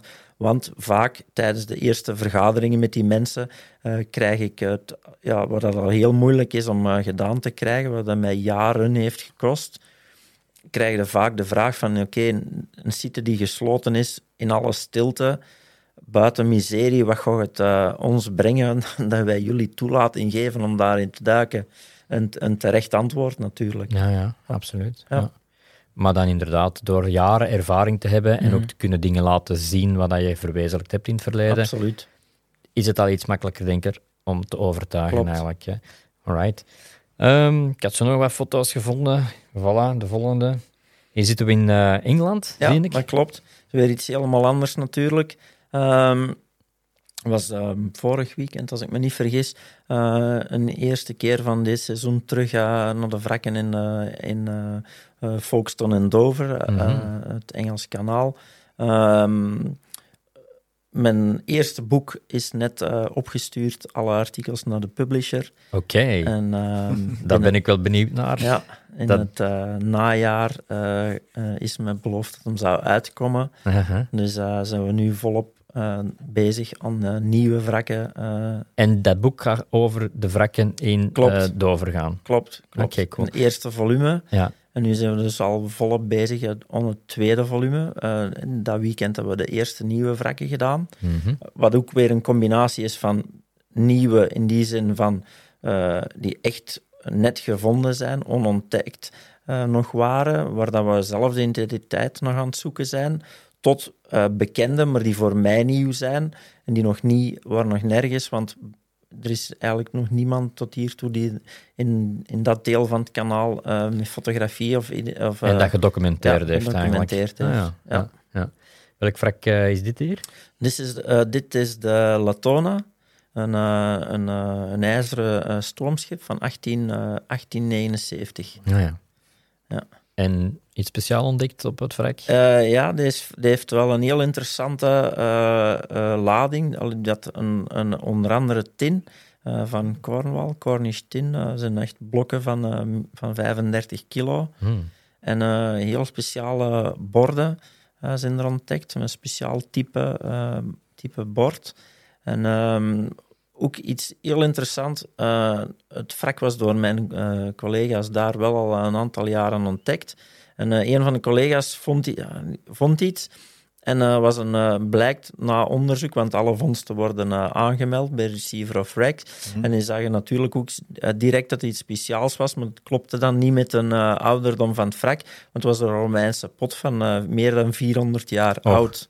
Ja. En het, het, blijkt dus ook een deel, een, een, een, bepaalde kist cargo aan boord te hebben gehad. Ja. Met eigenlijk al voor op die moment ook al archeologische waardevolle ja, uh, elementen. Ja. ja. en dat is eigenlijk bizar, want dat is al het tweede, het tweede wrak eigenlijk in het kanaal daar met zo, zoiets dergelijks. In een eerste boek is er een, an, een ander wrak, de Castor, waar we zoiets soortgelijk uh, ah, verhaal je kunt schatten uit okay. Turkije.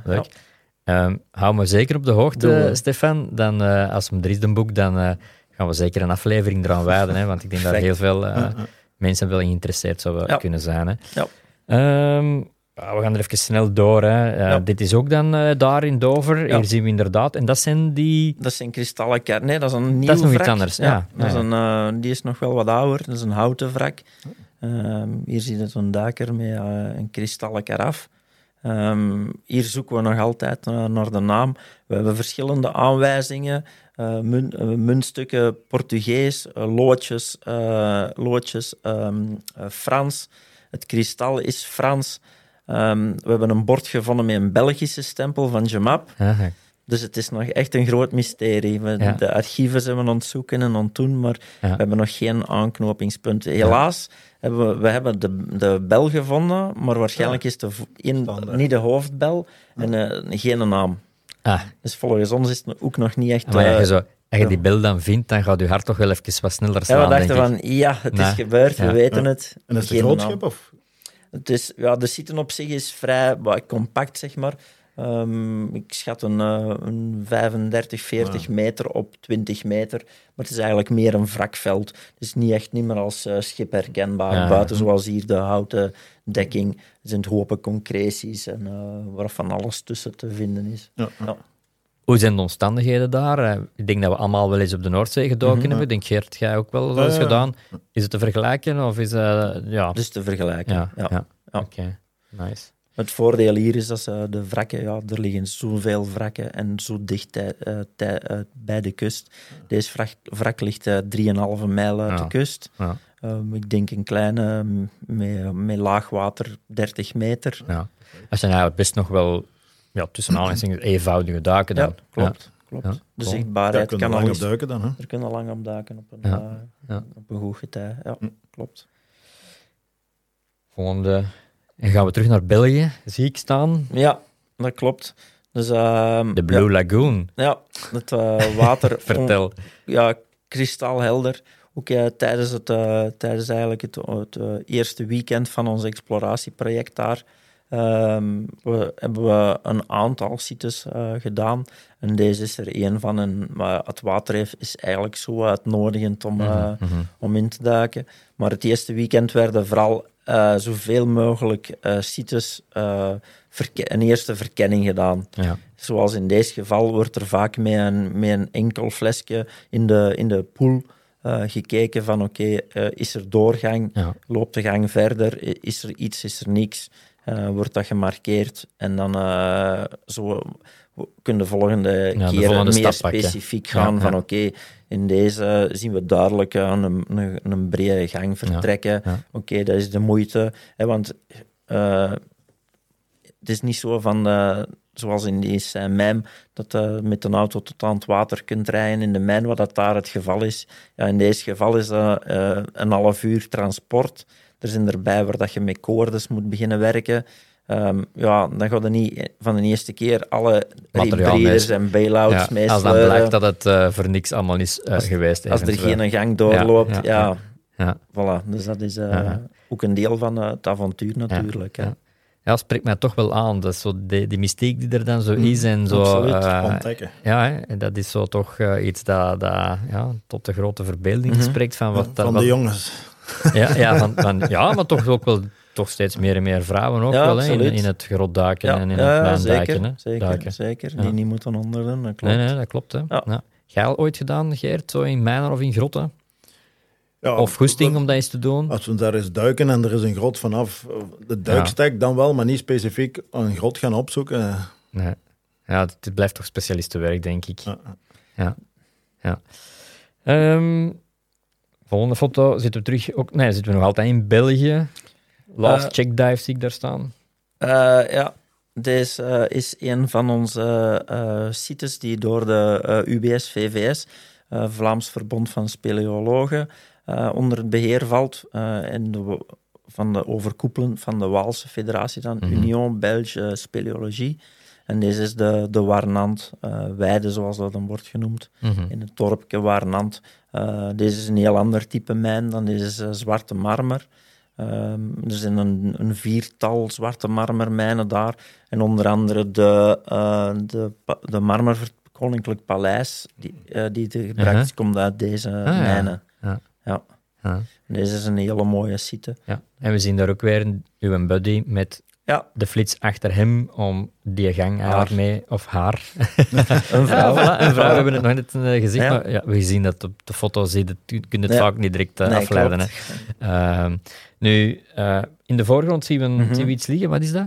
Eh, ik vermoed het wiel van een, eh, van een winch of iets Ah, ja. dergelijks. Mhm. Maar als fotograaf zijn dan net de dingen die direct in het hè. springen. Ja. En dan met een model daarachter. eh, Dat vertelt het verhaal. Hè. Dat is als fotograaf, hè, Geert. Je kunt dat ook beamen. Hè. Als fotograaf gaat altijd op zoek naar een element dat een verhaal brengt uiteindelijk. Hè. En dat is de ervaring, denk ik, Geert.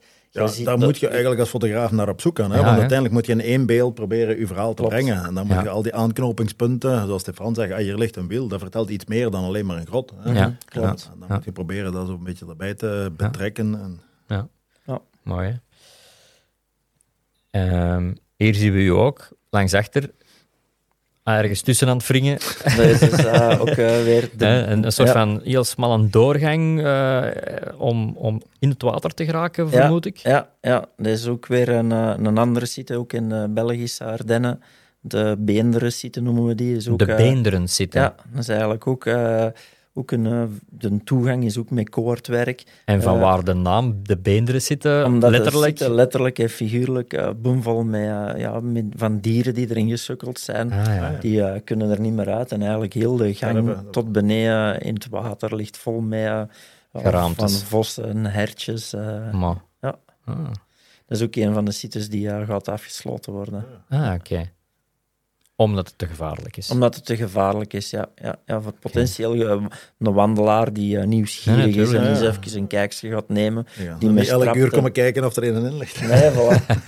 ja, je zit er in de meeste gevallen zo afgelegen. Ja, Nee, nee. Over en uit. Ja, Ja. Dat is, eh, als je daar inderdaad in sukkelt, is het eh, ja, wachten totdat je alleen nog maar beenderen. Dus, ja, eh, klopt. Hey, Stefan, als ik dat zo zie, eh, je moet daar redelijk wat klimmen en klauteren, Mhm. maar ik vermoed dat je ook regelmatig nu materiaal moet kopen. Ja, dat klopt ook wel. Ja. en dat- Ja, het hoeveelste droogpak. eh, ik heb al eh, wat versleten. Ik heb net, eh, ja, net eh, nog eh, wat, ver- wat spullen moeten vervangen. De laatste trip eigenlijk. eh, heel, heel stom. eh, ineens eh, een hoop water binnen. En eh, ja, gewoon met die lijst die en ook is eh Ah, heel scherp. Ja, ja. Ja. En eh, gewoon eh, met een seal. Een gat erin en eh, ja, game over. Ja, alles voor niks, terug naar boven. ja, het was gelukkig, gelukkig de laatste dag. Ja. En zien we nog altijd in, we zijn we nog altijd in België. Ja, ehm, Ook weer een, eh, een, een van, de, van, de, van de officiële sites, zeg maar. Ja. Ehm, ehm, in dit geval was het met de, met de nieuwe eh, Seacraft scooter. Ehm, waar we die, omdat deze sites zijn, eh, die, waar die kennen we van buiten. Die zijn eh, ondiep, helder, grote ruimtes. En omdat we met de scooters Ja. meer naar een specifieke site eh, gaan werken die we in gedachten hebben. ehm, ja, Was dat de ideale omgeving om te gaan, zeg maar. Ja. testen en te oefenen en Klopt. te trainen eigenlijk? Ja. klopt. Ja, alright. Ja. Cool. En dan denk ik dat we bijna aan de laatste foto's zullen zijn. Ook weer vind ik een fantastische foto ook hier. Hè, want hier zien we eh, dat is een stuk boven water. dat Ik het goed kan. Je Ja, zit ja, al ja. in de grot, hè, waar dat je eigenlijk soort, ja, de, een luchtbel hebt dan, of hoe noemen ze Dat dat? is eigenlijk een, de, de top kamer. van een kamer. En eh, ik ga hier gewoon al, zelfs al snorkelend eh, prospectie even doen. En eh, dat is de collega Dirk Roeland die hier die foto van mij eh, Ja. gemaakt heeft. Ja. Dat is één flits dan, en dat is Nee, eigenlijk dat de is, reflectie. enkel, dat is een videolamp. Ah, een videolamp, ja. Ja. Je ziet de reflectie op de grot boven en ook ja, dan dat zijn onder flitser water. dan. Hè. Ja, ja, ja, Maar, Ja, dat is met een videolamp dan onder water, om zo de oppervlakte. ja, en klopt. dan eh, flitsen om de, eigenlijk de... de ja, het, het groen, gewelf, het eh, groen deel dat je ziet eigenlijk is puur van de videolamp. ja, ja, Ja. Cool. Knap, die kleur, hè. Ja, Ja. heel mooi gedaan. Ja, absoluut. Maar dan, hè, op Mhm. 2 en 3 december, is het terug Dive Expo. En Ja. dat is ook iets om, eh, ja, een soort van aankondiging dat we ook eh, kunnen doen hier. Ehm, ja, vertel, Stefan. eh, ik denk dat we allemaal heel blij mogen zijn dat er terug een duikbeurs in België is. Hè. Wat mogen we gaan verwachten? Wel, na de, na de eerste techbeurs, zeg maar, of de Tech Expo in eh, Sint-Amans, wat eigenlijk meer een eh, try-out was, eh, was eh, een groot succes. Ja, dat was nog voor corona. Hè? Voor corona. Ja. Eh, meer dan eh, één dag event eigenlijk, in een, in een relatief kleine gemeentezaal. Mhm, mhm. Met, als ik me niet vergis, een, een tiental, eh, twaalftal standen, een zestal sprekers. Maar Mhm. eh, dat was eh, ja, eigenlijk een bom, eh, meer dan eh 500 bezoekers. Ja. Ehm, dus dat die- was de goesting er, om, eh, Mhm. om ervoor te gaan en om een volwaardige beurs eh, te doen. Krijg je dan de feedback van, eh, van bezoekers, van exposanten, om... ehm, wat op die techbeurs toch al, had ik dat al wat geprobeerd om wat meer open te trekken naar niet alleen techduikers, maar mensen met de, met de interesse voor iets Ja. bepaald, maar zonder, zonder eigenlijk een, een drempel te, te maken voor die mensen om eh eens te komen kijken. Kijken wat dat tech diving is. Daarmee dat ook nu noemt, Dive Expo. Dat was eh, de verandering. To Tech. Ja, hè. dus voilà. het is echt heel breed. Iedereen is welkom. Klopt. Van recreatieve duiker tot en met de techduiker en alles daartussen die eh, interesse Ja, heeft in wat dat met duiken te Ja, maken klopt, heeft. Klopt. Eh, wat mogen mensen verwachten op 2 en 3 december? In deze geval, eh, eerst nog even zeggen, hebben we de beslissing, eh, we hebben al eens moeten annuleren, helaas, door de corona. Corona. Zoals er eh, iedereen al wel dingen heeft moeten annuleren. En dan hebben we samen Glenn toen de, De Dive Expo, digitale ja, klopt eh, inderdaad. gedaan. Dat was ook heel leuk om te doen. Dat was ook echt heel leuk. Heel tof. eh, Ehm, om toch zo in de corona toch nog eens een keer eh, ja, toch iets te kunnen doen waar Ja. we met z'n allen eh, konden naartoe leven. Eh, Ja. En dan, zoals iedereen zo in de expo-wereld eh, geraakte, wat in een dipje. Ehm, dan, ja. Maar na die corona, in het begin van het jaar eigenlijk, werd ik zelf eh, op een aantal beurzen gevraagd in Zwitserland en Polen om een eh, voordracht te komen geven van mijn duiken dan dat ik doe. En eh, dan had ik eh, terug de goesting te pakken Ja. om er volle gas voor te gaan. En dan zijn we beginnen zoeken naar een nieuwe zaal. En dan zijn we terechtgekomen in eh Sint-Niklaas, wat wel heel centraal gelegen is, denk Mhm. ik. In een driehoek, zo Gent, Brussel, Ja. eh, Antwerpen. Ehm, in Bahuis, een, eh, een grote zaal van 1400 vierkante meter, waar dat we eh, 56 standen hebben, wat wel eh, Ja. naar Bel- Belgische duikbeurs eh, dan toch ja, toch wel de moeite ik, is. eh, de Ja. grootste gaat zijn tot, eh, tot op heden. Eh, die ondertussen volledig eh, volzet is. Mhm. En ehm, eh, een grote zaal eh, voor voordrachten. En ehm, een tweede zaal die we zelf gaan creëren. Dus eh, er gaan meer dan twintig eh, gastsprekers komen. eh, waar dat zeker voor ieder zijn goesting iets zal bij zijn. Ja. Gaande van echt technische dingen, wrakduiken. ehm, eh, er gaat iets bij zijn van Bikini Atoll. Eh, Richie Kohler van Amerika komt. We hebben ze Ja, al voilà, hier een er beetje een preview Ja. dat we nu geven van de nieuwe website die er binnenkort gaat komen, Ja, waar we volop aan bezig zijn. klopt. Ehm, al wat namen, ik heb, ze staan er niet allemaal op, maar inderdaad, eh, Richie Collar is toch een van de grotere Nog namen. steeds. ja. nog steeds, eh, die toch ook bij heel veel tech- Mhm. en wrakduikers tot eh, verbeelding eh, spreken. Ja. Ehm, ja, ik zie daar eh, Eduardo Pavia staan, ik zie daar Torsten staan eh, Ja. voor het uh, grootduiken. Ehm, ja, uiteindelijk, ik denk dat het een heel mooi programma gaat zijn van Ja. eh, heel inspirerende en eh, ja, interessante eh, lezingen door Dat- die mensen. hè. Ja, dat klopt. En zoals hè, er eh, gaan nog wat andere ook voor eh, meer in de recreatieve richting, Ja. zeg maar, sprekers bijkomen die zeker niet minder interessant zullen zijn. Mhm. Heel uiteenlopend. oh, natuurfotografie, zo, die Christophe Govaars, die Ja. de Sardinrun gaat doen. Eh, Andy Schmidt, die daarvan onder staat, die komt eh, de migratie van de orka's en de humpbacks in, eh, in Noorwegen, in de fjorden in eh, Trondheim Mhm. geven. Ehm Balestra Medisch. Ehm er gaat evengoed iemand komen eh, freediven. Er komt iemand, ehm, een professioneel duiker, dus echt beroepsduiken, lassen Ja, onder water ja, werken. Offshore toestanden. Ja, er komt een brandweerduiker. Mhm. Ehm, ja, gaat echt voor, eh, Voor ieder wat wils. Wat wils eh, Ja. zijn. Ja, iets om naar uit te kijken als je iets of wat van eh, met duiken bezig bent, eh 2 Ja. en 3 december. Ehm, en wij zullen er ook zijn. met de Ja. podcast. Dus we gaan op de beurs ook terug eh, live podcasting maken. Ehm, en we gaan uiteraard ook nog eh, binnenkort een aflevering enkel alleen over de beurs gaan doen, waar dat we al een aantal eh, ja, gasten eh, mee gaan uitnodigen in de podcast om al een beetje een tipje van de sluier op te lichten. Super. Ehm, ik denk dat we ja, van alles hebben verteld vandaag. Het was nog eens heel tof om jullie hier te hebben in de studio. Ehm, ik eh, wil uiteraard jullie niet eh, zonder of met lege handen naar huis laten gaan in deze vijftigste aflevering. Ehm, ik heb nog iets voor jullie. Voilà. Ik ga dat proberen te pakken. Voilà. Voilà. Wij hebben, ik kan het zo naar de camera doen, de oude duiker. Je, mag dat, of je moet dat niet letterlijk nemen. Ehm, Het is wat het is. maar het, eh, het, het is een, eh, een heel lekker biertje dat eh, ja, speciaal voor duikers eh, gebrouwen is. dus eh, top. voilà. Dat ga ik je al geven, alsjeblieft, Dankjewel. Stefan. Merci. En ik heb voor de Geert eh, ook nog hetzelfde, een eh, mooi pakketje. Super, dankjewel. Alsjeblieft.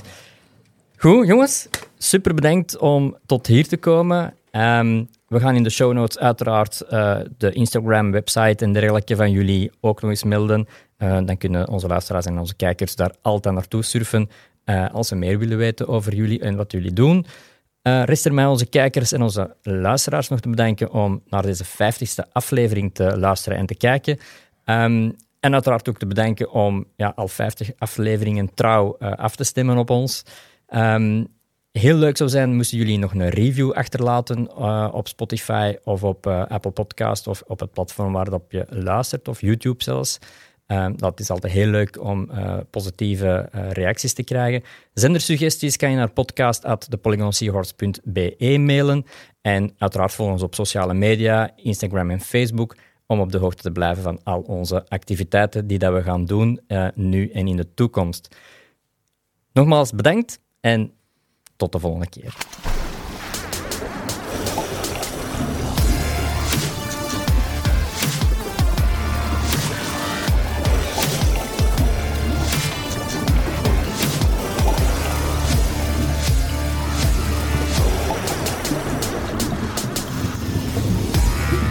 Polygon Seahorse Podcast.